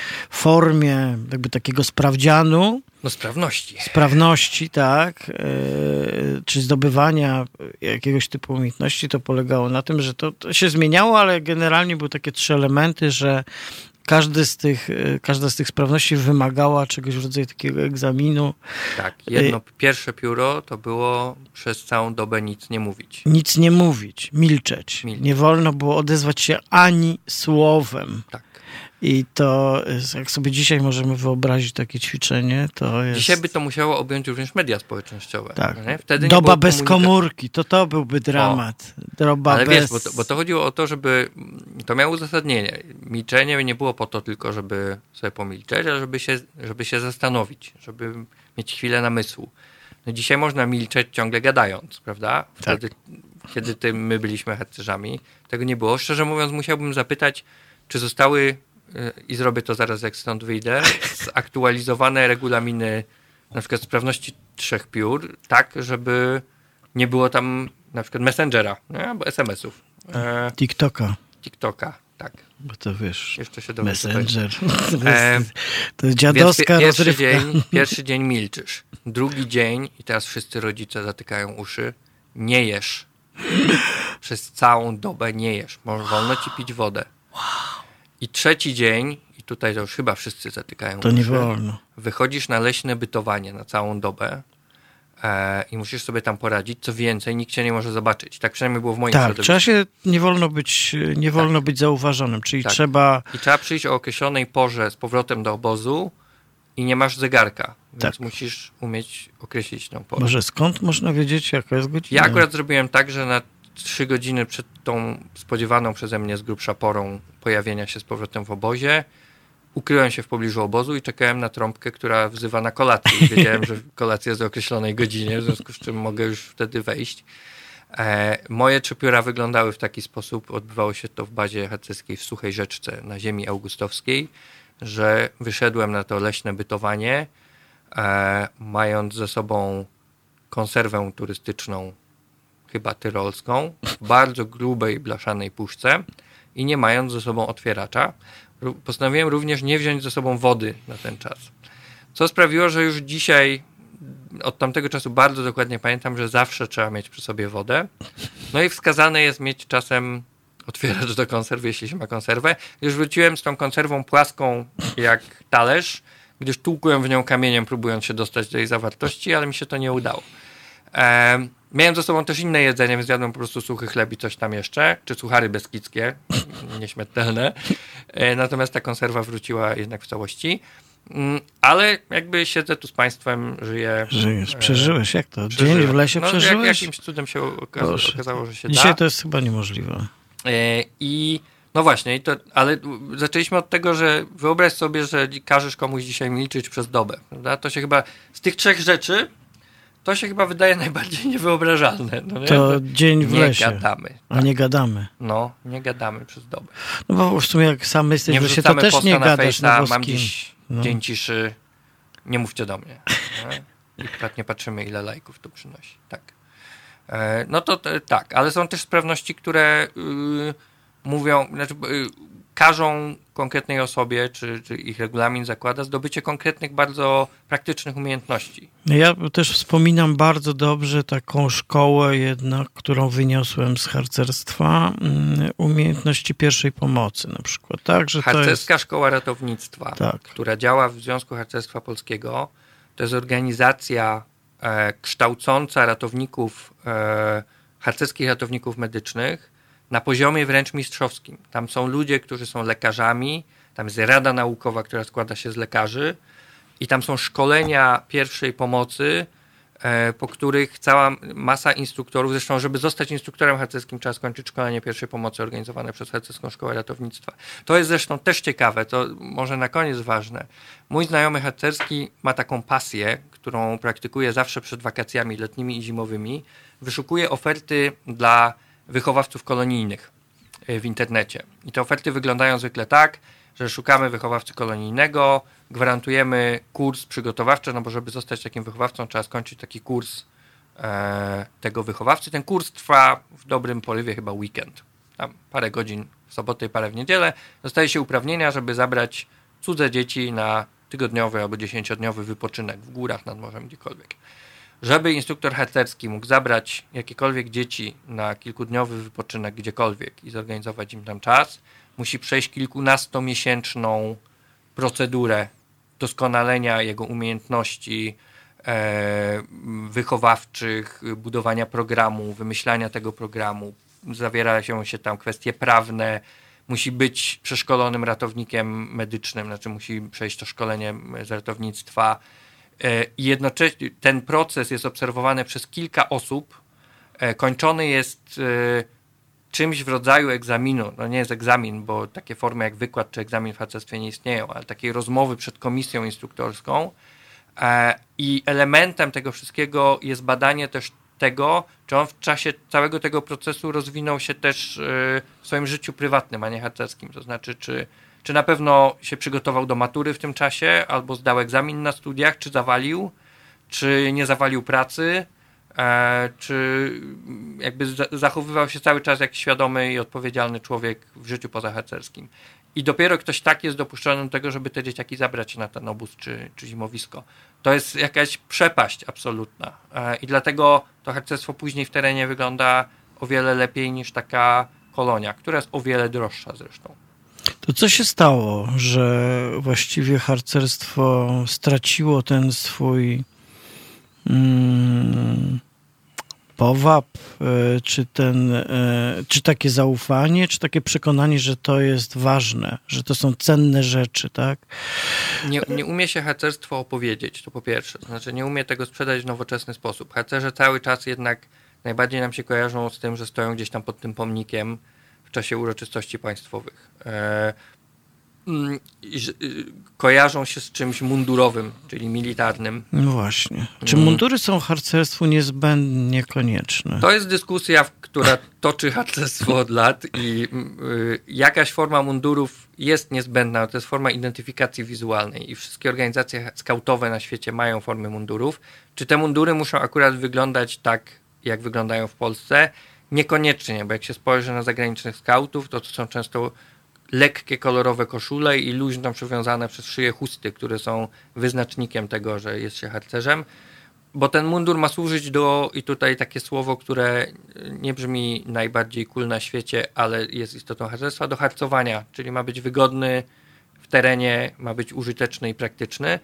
E, więc to, to jest oczywiście coś, co yy, harcerze jakoś są bardzo w Polsce akurat przywiązani do takiej formy mundurów. Zresztą mój dobry przyjaciel y, był twórcą reformy mundurowej w Związku Harcerstwa Polskiego kilka, już pewnie naście lat temu i opowiadał mi rozliczne historie i e, anegdoty związane z tym, jak bardzo harcerze są przywiązani jednak do takiego bardzo galowego, e, galowej formy munduru. Ale tak, no, mundur jest formą identyfikacji wizualnej i tożsamości harcerza, na nim się też przyczepia te wszystkie oznaki i na przykład dla dzieciaków to jest ważne. Ja byłem zuchem i byłem ultra dumny z tego, że mój rękaw właściwie od ramienia, od barku do łokcia jest pokryty trójkątnymi sprawnościami.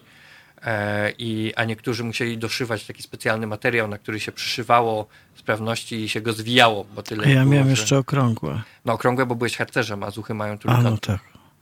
E, więc e, tak, no, mundur jest potrzebny, ale mundur jest fajny. Znaczy, to tak jak strój piłkarza w klubie sportowym. To, to jest coś, co te dzieciaki.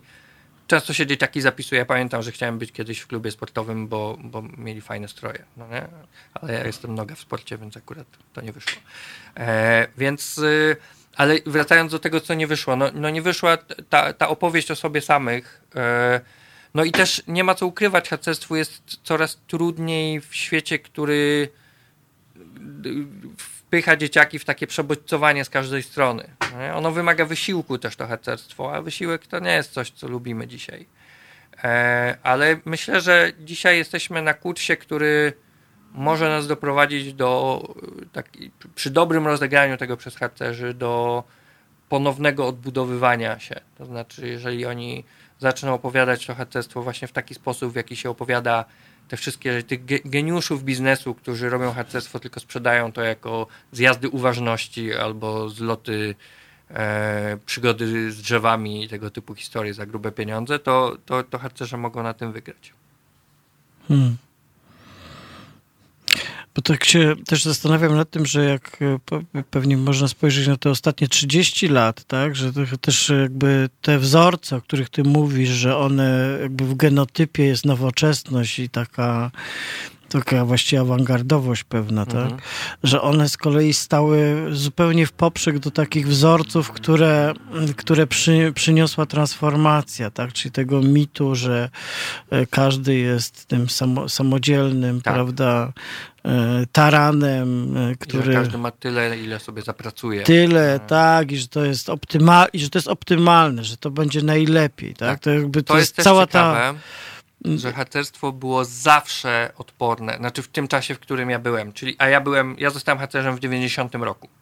Mhm. E, więc akurat mam dobrze przerobiony ten czas. A, no widzisz, no e, właśnie. Harcerstwo było zawsze odporne na tą neoliberalną narrację, że każdy kowalem swojego losu i jak ciężko pracujesz, to, to będziesz miał, bo ci instruktorzy harcerscy widzieli, ja jestem z Łazarza na przykład, z Poznania, dzielnicy, która długo uchodziła za dosyć biedną, i myśmy widzieli namacalnie i mieliśmy wśród nas, ja miałem wśród moich zuchów, których prowadziłem już będąc późnym nastolatkiem, dzieciaki, które y, nie miały szansy y, dotarcia bardzo daleko, tylko dlatego, że miały start opóźniony czy utrudniony, bo były z biednych rodzin albo z trudnych rodzin, mhm. e, nękanych różnymi problemami. I każdy instruktor harcerski wie, że ta neoliberalna narracja, ona jest totalnie nieprawdziwa i on tego doświadczył, on to widział. E, I ono było, oczywiście zdarzały się środowiska, bo często środowiska harcerskie są powiązane ze szkołami. Jeżeli szkoła jest na przykład elitarnym liceum, to to środowisko harcerskie automatycznie bywa takim. Ale to też nie jest tak, że jak ktoś przyjdzie tam z zewnątrz, to się odbije od tego środowiska, bo elementem metody harcerskiej jest też włączanie, w związku z czym to zawsze było tak, że, e, że robimy tak, żeby nikt się nie poczuł wykluczony. Mm, I oczywiście zdarzają się różnego rodzaju odstępstwa i zaraz w komentarzach się ktoś pojawi. A w mojej drużynie to był tak, że druh powiedział, że jak nie kupię munduru na trzecią zbiórkę, a nie miałem na to pieniędzy, to mnie wywali i mnie wywalił. Tak, oczywiście, no bo każda taka wielka struktura ma swoje problemy i swoje czarne owce. Mhm. Czyli to jest tak, że też e, z tego co wiesz, dzisiaj w harcerstwie, powiedzmy tak, e, polskim, bo tu mhm. jesteśmy, toczy się taka rozmowa o, o tym, żeby żeby to był bardziej znaczący ruch jednak, żeby... To ona nabiera nie? rozpędu w październiku, znaczy nabiera rozpędu, nabiera rozpędu i rumieńców. W październiku ubiegłego roku e, odbył się zjazd nadzwyczajny w Związku Harcerstwa Polskiego, który miał usunąć dotychczasowe władze E, ten zjazd demokratycznym mechanizmem e, obronił tę władzę, a pretekstem do tego zjazdu była rzekoma homopropaganda i tęczowa propaganda w harcerstwie, która miała zaburzać ideowy charakter tego harcerstwa, bo w, w harcerstwie jest też dużo osób o konserwatywnych poglądach, podatnych czy umiejących wykorzystywać takie populistyczne argumenty. I to, co było ciekawe, to to, że harcerze się obronili demokratycznym mechanizmem przed tym, co y, niszczy polską debatę publiczną, bo przecież y, straszenie y, homoseksualistami to jest tylko i wyłącznie działanie mające budować pewne poparcie polityczne. Nie, nie ma nic wspólnego z przekonaniami większości tych, którzy straszą. Jestem o tym przekonany. E, natomiast y, harcerze się przed tym wybronili, co też było bardzo symptomatyczne, że ta kultura demokratyczna, która jest wewnątrz organizacji harcerskiej, bo demokracja się uprawia już od gromady zuchowej w harcerstwie, sprawiła, że może ta organizacja jest mniej podatna, czy, czy ten ruch jest mniej podatny na tego typu takie bardzo populistyczne zachowania. I na, na, na bazie te, tego wydarzenia, ale też e, na bazie tego, co się w Polsce dzieje, jest w harcerstwie dyskusja o tym, że ono powinno bardziej odpowiadać na, e, czy bardziej opowiadać to, że odpowiada na wyzwania przyszłości, mhm. bo zdecydowanie to robi. Czy ona jest wystarczająco silna? Nie, wydaje mi się, że nie, że, że harcerze jeszcze, jeszcze śpią w tym temacie, że jeszcze że to jest moment, w którym oni mogliby bardzo głośno powiedzieć w swoim komunikacie, w swoich kampaniach, w swoich działaniach to, co wydaje mi się, ja napisałem w tekście, ale tego, y, tego nie robią. Mogliby, mogliby się dzisiaj chyba sprzedać nieźle, ale nie robią tego. Hmm. I to kłopot. To może o tym, y, co by mogli robić, jakby czym by mogło być takie y, harcerstwo, które by rzeczywiście weszło mocniej w taką tkankę, nie wiem, szkół i tego momentu wychowawczego, e, to pogadamy, e, pogadamy e, za moment. Co? Teraz Ozzy będzie śpiewał dla nas i potem z Filipem Springerem wracamy do naszej tutaj wędrówki po polskim harcerstwie.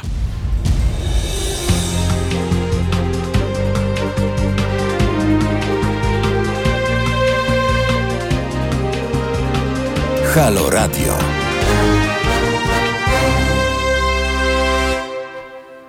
Roman Kurkiewicz, to jest e, poranek poniedziałkowy w Halo Radio. Jest ze mną Filip Springer, druh Filip Springer w tej roli reporter. Dzisiaj mm, po swoim tekście w piśmie Pismo. Mm, mm, a tak to było? Kłopoty z gawędą? Problem z Gawędą. Problem z Gawędą. Ale z Gawędą w sensie zespół Gawęda? Nie, Gawęda, Gawęda to czyli ten, ta sytuacja, ta w której wszyscy harcerze siadają wokół ogniska, tak. a druh albo druhna opowiada jakąś historię, uprawia tak zwany storytelling, tak który jest. ma ich natchnąć do tego, żeby być lepszymi ludźmi. A powiedz mi, widziałeś y, tą scenę w Parlamencie Europejskim, kiedy żegnano Wielką Brytanię? Tak, i rączki zrobili. I zaśpiewali tak. taką pieśń, która jest. Y, no wiesz, skautami w Wielkiej Brytanii to pewnie to druga osoba była. E, zresztą naczelnikiem, nie wiem czy nadal jest, bo nie sprawdzałem tego, ale długo naczelnikiem czy tam szefem brytyjskiego scoutingu był znany, myślę, większości państwu Bear Grylls. Hmm. E, czyli ten pan, co w Discovery lata po dżungli, zjada robaki i generalnie jest takim fajnym, pociesznym. I dzisiaj sprzedaje zaradnym. swoje noże. Dzisiaj sprzedaje swoje noże, oczywiście, czyli jest też zaradny. E, natomiast to jest trochę o tej opowieści, o, o tym problemie z opowiadaniem się, no że tam w tym brytyjskim scoutingu doskonale wiedzieli, że taki gość na czele, e, który też jest z przekonania w ogóle od lat scoutem, później został, ma, ma jakieś doświadczenie chyba wojskowe, tak? On był jakimś tam komandosem czy kimś mm, takim, mm. a potem został naczelnikiem skautów. E, no buduje pewną, pewną markę, pewną fajność. No, nie? no bo on sympatyczny był w tym wszystkim. Taki był też e, serdeczny i ciepły. Taki dobry harcerz, no, w dobrym rozumieniu tego słowa. Jak się dzisiaj czasami zastanawiam przez chwilę, nie tak długo, ale może ten twój tekst trochę mnie sprowokował, że takie mi się uruchomiło myślenie, to się zastanawiam często nad tym, że miałem takie wrażenie, że mm, jak czasem widzę te, te grupy harcerzy, tak, tam harcery, harcerzy, to że często jak widziałem, wydaje mi się przynajmniej, tu w Warszawie też takie grupy harcerzy, to że to idzie w taką też stronę takiego serwiwalu właśnie bardzo wojskowego, że to jest tak naznaczone taką formą właśnie takiego profesjonalizmu, takiego właśnie, że to jest takie przygotowanie do bycia komandosem bardziej niż do po prostu tego, o czym mówiłeś na początku, co było bardzo ciekawe, czyli to jest zagospodarowanie tego okresu dorastania i dzieciństwa do bycia osobą dorosłą, która jest, nie wiem, odpowiedzialna, empatyczna tak naprawdę, która pomaga komuś, kto jest słabszy. No, bo problem z harcerstwem też polega na tym, że ono się uwidacznia w bardzo konkretnych sytuacjach. Mhm. Uwidacznia się na dworcu, kiedy robią sobie apel i odmaszerowują do pociągu. Uwidacznia się na tych uroczystościach państwowych, a nie widzisz tego, co się robi na zbiórkach, bo cię na nich nie ma. Nie widzisz tego, co się robi na obozach, bo też cię na tym nie ma. Nie widzisz tego całego ogromu służby, które oni wykonują, e, angażując się w działania organizacji społecznych, w pomoc różnego rodzaju instytucjom, no bo też się tam po prostu nie ma i oni są w tym jakoś e, niewidoczni. W związku z czym to jest też problem cały czas z tą komunikacją tego wszystkiego, bo to, że mm, bo wiesz, bo to, to leśne bytowanie, survival, czy jakkolwiek to nazwiemy, puszczaństwo, ja strasznie lubię to słowo puszczaństwo, e, to jest y, element budowania tej zaradności w takich warunkach, które wymagają od ciebie zaangażowania się całego w rzeczywistość, e, który później y, owocuje i skutkuje w świecie, który, no bo zakładamy jeszcze przynajmniej przez jakiś czas, nie będziemy skazani na to, żeby budować sobie szałasy w lesie, chociaż różnie to, różne scenariusze różnie mówią, no ale zakładamy, że jednak tak nie będzie jeszcze przez chwilkę. Natomiast ta umiejętność powoduje, że człowiek jest też zaradny w świecie bardziej cywilizowanym. Więc to jest cały czas ten problem z opowieścią, a nie problem z formami, bo jestem przekonany, że zdecydowana większość środowisk harcerskich pracuje bardzo różnymi formami, różnymi, w różnych kontekstach i w różnych sytuacjach, budując taką wszechstronną zaradność tych yy, yy, młodych ludzi. Hmm. No tak, i, y, a właściwie co wynika z tego, że mamy y, tych, y, taką wielość organizacji harcerskich, tak? tak jaka jest... Wynikają dwie rzeczy. Z jednej strony wynika problem z rozpoznawalnością, no bo jak ktoś mówi, bardzo mnie jedna z dyskusji w mediach społecznościowych w jakiś sposób rozbawiła, bo ktoś napisał, że harcerstwo jest bardzo katolickie i homofobiczne. E, a które harcerstwo? Bo tych organizacji jest kilka, tych dużych, a pewnie już naście, jeśli policzyć te mniejsze. Ponad 100 tysięcy ludzi. W obrębie każdej z tych organizacji są środowiska mniej i bardziej liberalne. E, no to o którym mówimy? Nie, całe harcerstwo. No to, to tak jakby powiedzieć, internauci są głupi. No nie? No jakby nic to nie znaczy. Bo jakby internauci są i mądrzy, i głupi, i tacy, którzy potrafią coś wnieść do dyskusji, albo nie potrafią. E, no bo takie wielkie uogólnienia niczemu nie służą. Więc to jest jeden problem z harcerstwem i ludzie nie mają też obowiązku, ale nie mają świadomości, że to jest taka wielość, że to jest taka różnorodność, że że trochę to jest tak jak z posyłaniem dziecka do szkoły. Albo że właściwie, do... że też drużyna jest bardzo autonomiczna. Tak, nie? absolutnie. I to zależy też od instruktora, w którą stronę ona idzie. Zależy od tradycji środowiska większego, czyli szczepu czy chówca.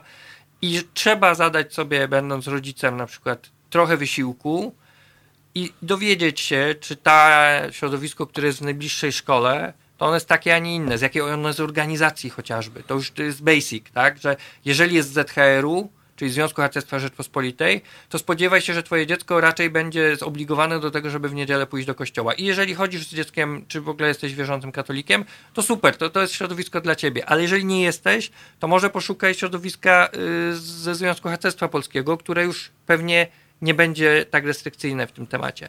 Nie mają ludzie tej świadomości, w związku z czym używają generalizacji, która jest dla ogółu harcerstwa i metody harcerskiej e, krzywdząca. Ale to ma też swoją dobrą stronę, bo harcerstwo nie jest zamknięte na, różnego, na różne osoby. To znaczy, mhm. że właśnie z jednej strony bardzo głęboko wierząca osoba znajdzie taką organizację i takie środowisko, w którym także te potrzeby będą e, uwzględnione w procesie wychowawczym, a osoba niewierząca znajdzie sobie spokojnie środowisko, w którym e, e, tego nie będzie i, i, to będzie wolne od tego, co ona będzie uważała za obciążenie.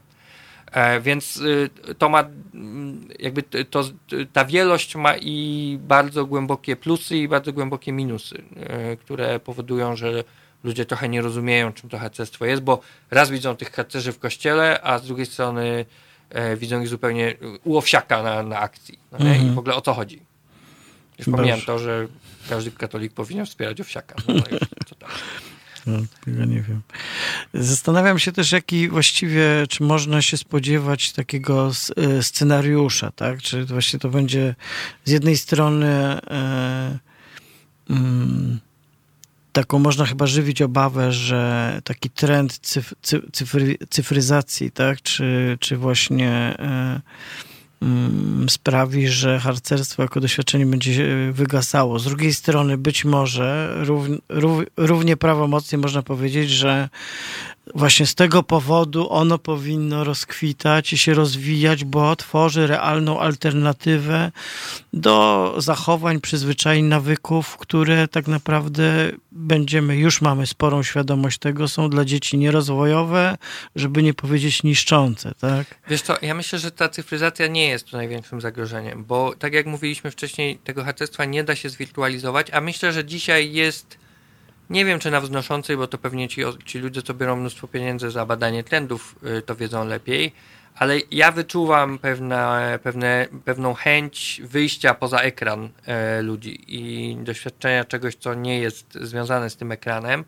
I w tym sensie harcerstwo tutaj ma wielki potencjał i e, ono może się sprzedać, tak jak są sprzedawane te wszystkie produkty, które właśnie się do tego odwołują. Nie? Jedź z nami do lasu, przeżyj wielką przygodę, zapłać za to 600 zł za weekend e, i w ogóle będziesz tropił wilki. E, to jest z jednej strony. Myślę, że większym problemem, i to się uwidacznia przez cały właściwie czas mojego bycia w harcerstwie, czyli od tego 90 roku, rośnie konkurencja, taka wyimaginowana konkurencja dla harcerstwa, bo harcerstwo jest często postrzegane jako taka forma spędzania czasu wolnego dla dzieci. No nie? Mhm. Zapiszecie na chór, basen i harcerstwo. Mhm. A to tak nie do końca jest, bo w tym harcerstwie możesz mieć chór i basen. E, że... No chór masz zasadniczo, tak, bo, no, bo śpiewasz, śpiewasz przy ognisku. Tam, e, tak, e, i basen spokojnie też możesz mieć. Basen albo co gorsza e, jezioro. Sprawność pływaka zdobyć, i, e, czy mistrza pływackiego, czy ratownika później i być ratownikiem na obozie harcerskim. więc e, to masz, ale to jest tak postrzegane, a ta oferta atrakcji czasu wolnego dla dzieci czy młodzieży poszerza się i ona też y, jest podpinana pod tą wizję tego już doskonalenia się ciągle, że tam trzy języki, chiński i jeszcze może programowanie komputerowe, bo bez tego to w ogóle ani rusz w dzisiejszym świecie. To wszystko też będzie w harcerstwie. E, I ono jest za darmo cały czas. Znaczy za dychę za miesiąc. To, e, przypominam. E, więc, ale jest coś takiego, że to postrzeganie harcerstwa jako formy spędzania czasu wolnego sprawia, że ono jest wrzucona do tego zbioru, w którym ma bardzo dużą konkurencję. A to nie do końca tak jest, bo e, to jest e, coś, co uzupełnia proces wychowawczy na pewno. Ono jest ruchem wychowawczym. Ono nie zastąpi szkoły i nigdy nie miało takich ambicji. Harcerstwo nie zastąpi rodzica i też nie należy tego od niego oczekiwać, ale ono bez wątpienia uzupełnia proces wychowawczy. I w tym sensie nie ma konkurencji. Natomiast y, no, no jest wkładane do takiego worka, w którym jest postrzegane jako, jako coś takiego. Hmm. Tak. Zastanawiam się, bo też y, mm, zastanawiam się, na ile y, się pojawia takie myślenie, że że władzy jest potrzebne harcerstwo, nie? To znaczy, że jakby to jest tak, że właśnie mamy tą obecność harcerzy na uroczystościach państwowych, mamy różne odwiedziny czy, czy kontakty, jakby jest takie poczucie, że no warto z taką grupą mieć jakiś kontakt, tak? Ja myślę, że to bardziej jest tak, że to harcerze szukają takiego kontaktu, bo oni są zależni w wielu aspektach od instytucji państwa. Są zależni od systemu edukacji bo struktura harcerska odpowiada na strukturę y, systemu edukacji. Harcerze są zależni też bardzo często od szkół, bo w szkołach działają, mają tam swoje harcówki, mają tam, stamtąd biorą dzieciaki, tam prowadzą akcje naborowe. E, zależą w sensie rozwiązań legislacyjnych, to znaczy możliwość robienia harcerstwa zależy od konkretnych, tak jak mówiłem, no, od niedawna dopiero y, jest możliwe organizowanie takiej formy wyżywienia harcerzy, że oni sobie sami gotują, przez to, że to zostało dopuszczone w polskim prawie. E, więc w tym sensie zależy, ale to, to ci harcerze mm, jakby szukają tego kontaktu, czy pojawiają się w takich kontekstach też dlatego, że e, to wynika z historii polskiego harcerstwa. No, że ono było bardzo propaństwowe, propolskie, patriotyczne w tym rozumieniu walki do ostatniej kropli krwi i ten etos cały czas tam żyje, choć ja uważam i bardzo wielu moich znajomych instruktorów harcerskich uważa, że wychowawczy efekt i cel stania pod pomnikiem jest żaden. Harcerze nie muszą stać pod tymi pomnikami, bo to niczemu nie służy w procesie wychowawczym, jaki jest głównym zadaniem harcerzy. E, I tutaj już widzę, jak się gotują niektóre fora bardziej konserwatywnych e, środowisk harcerskich po tym, co powiedziałem, e, ale tak jest. Więc myślę, że władzy, władze nie sądzę, żeby harcerze byli potrzebni. Mhm. No, władza sobie zorganizuje, jak widzimy, radzi sobie całkiem sprawnie i nie, nie, nie, ja nie mam takiego poczucia, żeby harcerze jakoś, żeby władza jakoś specjalnie zabiegała o, o, kontakt z harcerzami. Natomiast to, co ważne, to samorząd może bardzo dużo zyskać na współpracy z harcerzami. Samorząd jako ta forma organizacji polityki, która ma zaspokoić potrzeby tych lokalnych wspólnot, powinien super ściśle współpracować z harcerzami, bo oni po pierwsze mają świetne rozeznanie w tym, gdzie są jakie potrzeby, po drugie są użyteczni, a ich pomoc nie kosztuje, e, bo, ich, bo, bo ich, dla nich pomaganie jest czymś naturalnym, w związku z czym samorząd z harcerzami może zdziałać naprawdę cuda. Jeszcze jedna rzecz mi e, e, właściwie przyszła do głowy, jak tak się zastanawiam nad takim rodzajem też przeszłości i tego, co się stało, to że harcerstwo paradoksalnie też jest właściwie e, zarządza sporym majątkiem. tak, tak. Spory majątkiem. To niestety prowadzi do różnego rodzaju wypaczeń. Bo wydaje mi się, że czasem ten majątek gdzieś nagle się rozpływa. Powstają miejsca, które kojarzyłem z, ze zrujnowanym, takim poharcerskim miejscu, a teraz widzę, o, Wiesz, tu kwitnie. Często, często bywa tak, że ten majątek służy temu harcerstwu. Na mhm. przykład moja chorągiew Wielkopolska, nie wiem jak jest teraz, bo ja już od jakiegoś czasu nie działam w harcerstwie aktywnie, ale moja chorągiew Wielkopolska przez wiele lat była jednym z największych e, jedną z największych instytucji, bo chyba nie firm, bo to, to inaczej było zorganizowane, wynajmujących autobusy w Poznaniu. Miała chyba trzy autobusy nowoczesne w latach 90. E, całkiem nowoczesne, do, które można było wynająć i pieniądze z tego wynajmu szły na działalność programową e, harcerzy. I jest tak, że harcerze oczywiście mają majątek, bo mają e, nieruchomości, mają ośrodki czy bazy harcerskie, w których mogą prowadzić działalność programową, ale mogą je też komercyjnie wynajmować. E, I oczywiście zdarza się na tym polu też, e, zdarzają się różnego rodzaju nadużycia, bo ktoś trochę bardziej wynajmuje je w celach komercyjnych, a trochę mniej w celach programowych. E, ale y, tak, no i to wynika też z historii, bo bohaterze wyszli z tym majątkiem z poprzedniego y, ustroju. Hmm. Dobra, to zróbmy teraz jeszcze krótką przerwę muzyczną. White Town będzie grał dla nas i na koniec wrócimy do, zakończymy naszą zbiórkę. E, tak. i naszą gawędę. Ona już trochę długo trwa jak na zbiórkę. Za długo. Nie kazalibyśmy dzieciom. Nie, nie, tak dzieciom nie, no ale tak rozmawiam. Nie gadalibyśmy ciągle, tylko byśmy działali tak, aktywnie. Już tutaj. byśmy w międzyczasie rozpalili ze dwa ogniska Właśnie. chociaż, albo sprzątali kawałek lasu. Właśnie.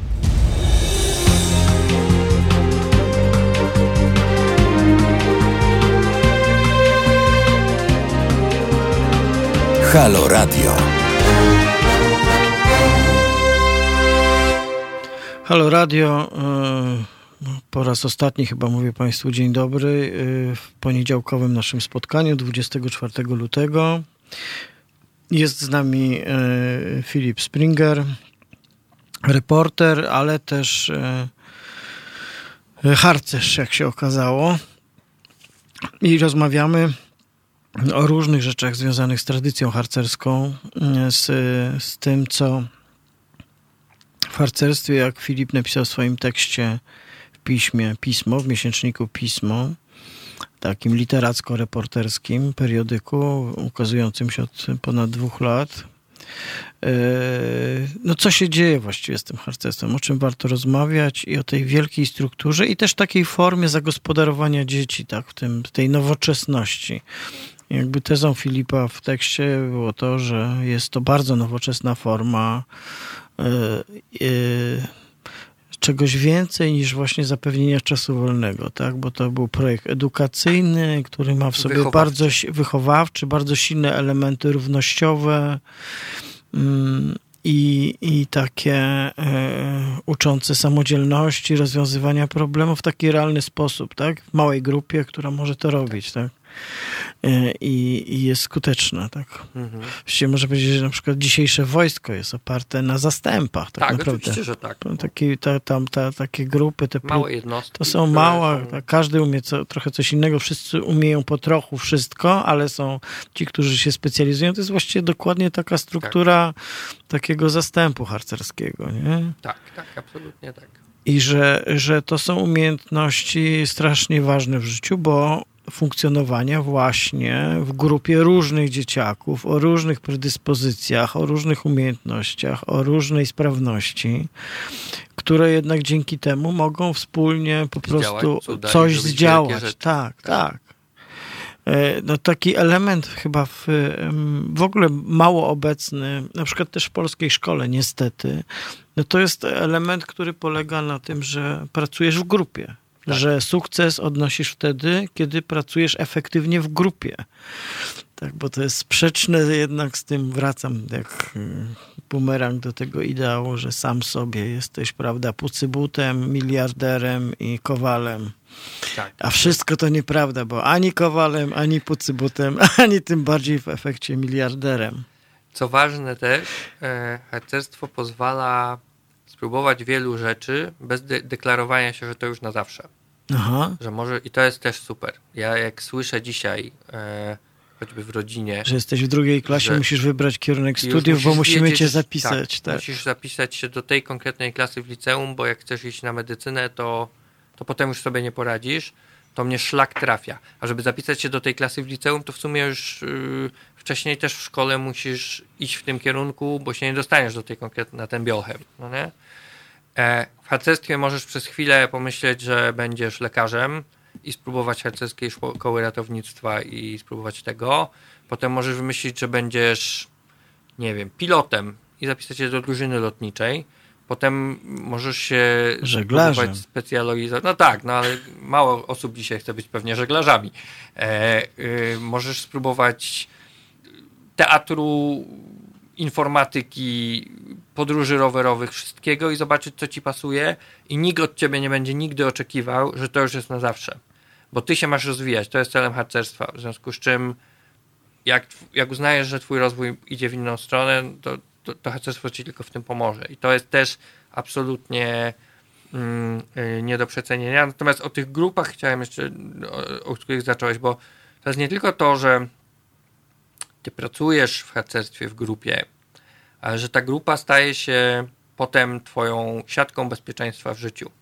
Mhm. I jak dzisiaj mówimy o tym, że, że depresja jest coraz większym problemem, że samotność, wyalienowanie i wyobcowanie no to harcerstwo na to właściwie nie pozwala. Jakby nie, nie, jest, nie, nie da się być samotnym po harcerstwie. Masz dookoła Chyba, siebie... że zdobywasz tą sprawność. Milczka, e, czy trzech piór milczysz. Jedna doba na lata. Tylko tak? przez chwilę i nikt o tobie nie zapomni na pewno w tym czasie. E, natomiast e, daje taką siatkę bezpieczeństwa. Tutaj niedaleko stąd jest e, takie mieszkanie moich przyjaciół harcerzy, o którym kiedyś pisałem. E, I to mieszkanie Nikt nie wie, ile kompletów kluczy jest do tego mieszkania, e, bo tak wiele ich jest, że już się wszyscy pogubili. Prowadzą to mieszkanie dwie siostry, które są też harcerkami i rozmawiałem kiedyś z jedną z nich, jak to jest, że na przykład ktoś się może pojawić w tym mieszkaniu po 15 latach, użyć tego kompletu kluczy, który mu tam został z tego czasu, wejść i w nim być i mieszkać, bo akurat nie ma gdzie się zatrzymać w Warszawie. I nawet nie za bardzo musi się zapowiadać. Po prostu mówi, że przyjedzie. Trochę pachnie skłotem, nie? E, a ona powiedziała, że wiesz, że to jest tak, że jak już wejdziesz do plemienia, do, te, do tej siatki, to już mm. się z niej nie, nie, nie wypiszesz. To, to, już jesteś w niej. I jesteś na swoich warunkach, ale jak wrócisz po pomoc, to ona ci zostanie zawsze udzielona. Czasami jest tak, że jak trzeba coś załatwić szybko gdzieś w różnych e, sytuacjach zawodowych, to ja wiem, że jak trafię po drugiej stronie na harcerza, to to się wydarzy wcześniej.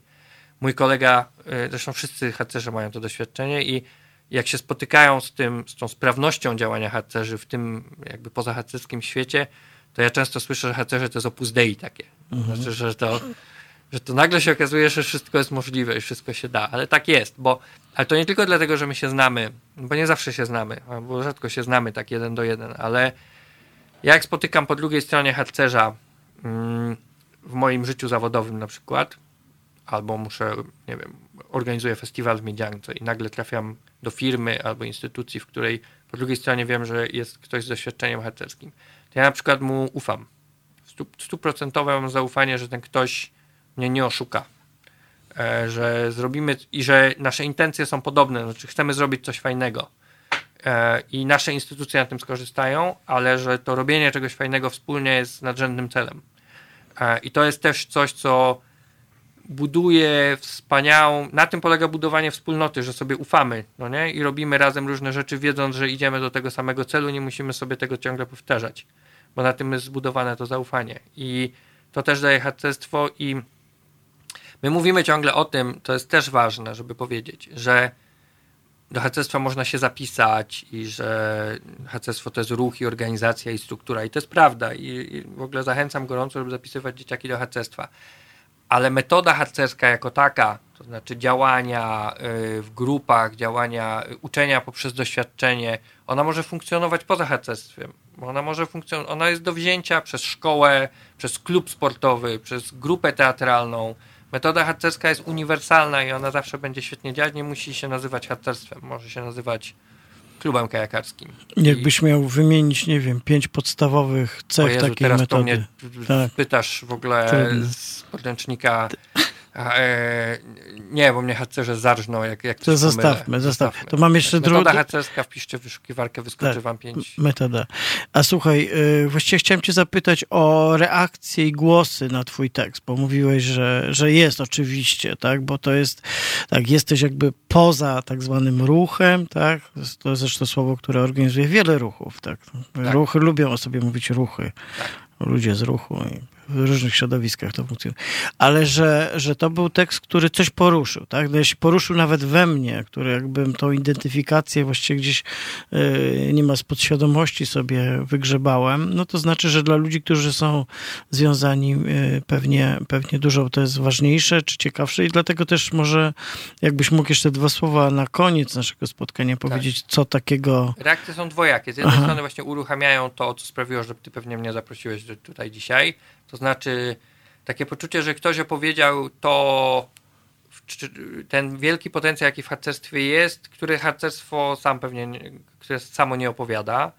E, I że to się odwołuje też, nie ma co mówić do sentymentu i, i do takiego pewnie e, odrobiny melancholii za, za tym, co minione w naszym życiu. E, I to, to, to, było, to była jedna rzecz i bardzo wiele osób pisało, udostępniało ten tekst właśnie z takim komentarzem.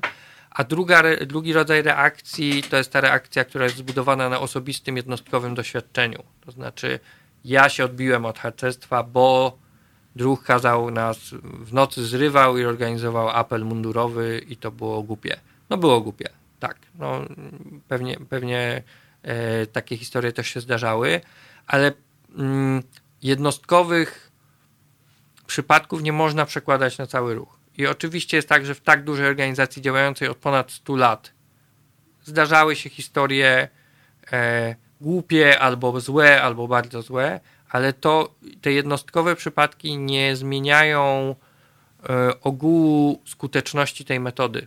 E, jestem o tym absolutnie przekonany, że e, harcerstwo jako koncept wychowawczy jest czymś bardzo skutecznym mimo że ma wady, bo nie ma rzeczy bez wad. I, e, mm, i pewnie w, zaraz w komentarzach pod tą dyskusją ty widzisz ekran, więc pewnie już to widzisz. E, tego, rzeczy, tego typu historie się e, pojawiają i tego komentarze, że właśnie ja się odbiłem, bo, bo kazali mi chodzić do kościoła, a ja nie chcę, albo moje dziecko się odbiło, bo my Mhm. jesteśmy niewierzący, a gdzieś tam ktoś chodził, albo odwrotnie, tak, że myślałem, że harcerstwu leży na sercu na przykład wychowanie religijne, a tu nie.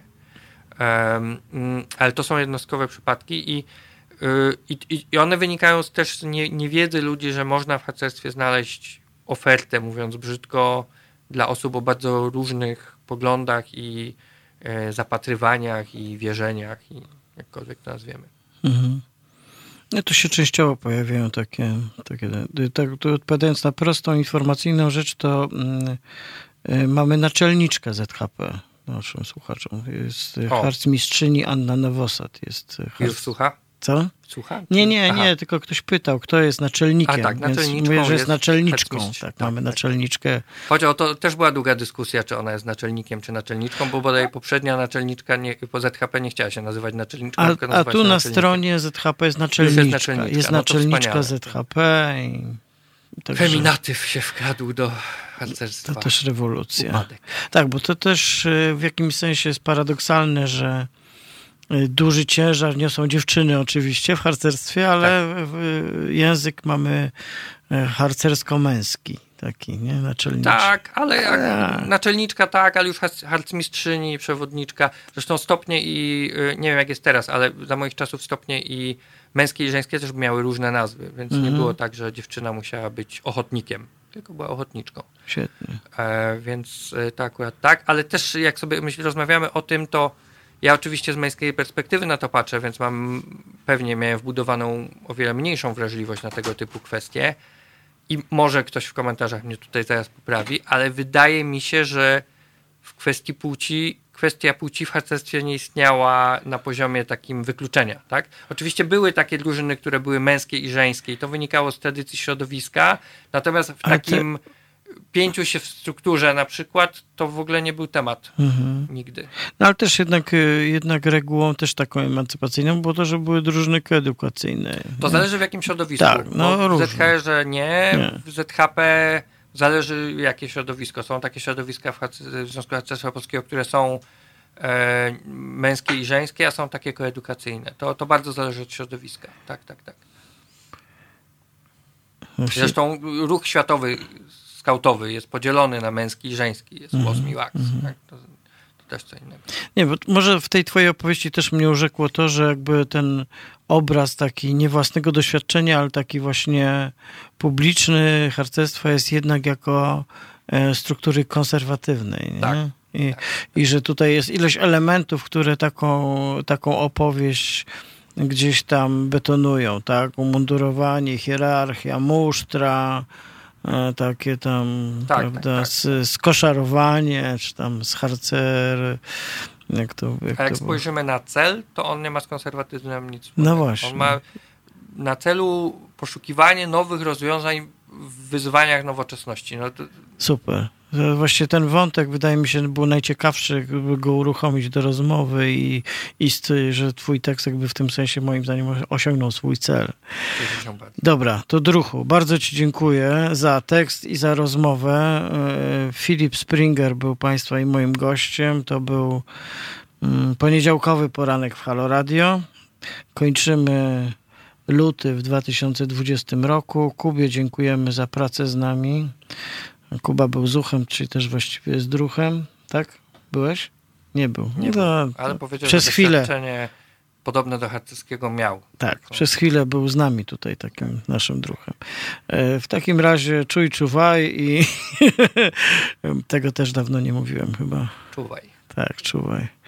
E, No i dziękuję Państwu bardzo za rozmowę. Od 15 premierowe spotkania i rozmowy w Halo Radio, a ja się z Państwem spotkam w czwartek o 21 wieczorem, a do tego czasu dziesiątki spotkań, rozmów i ważnych tematów. To było Halo Radio, poniedziałek, poranek poniedziałkowy. Roman Kurkiewicz, dziękuję i do usłyszenia. Dzięki wielkie.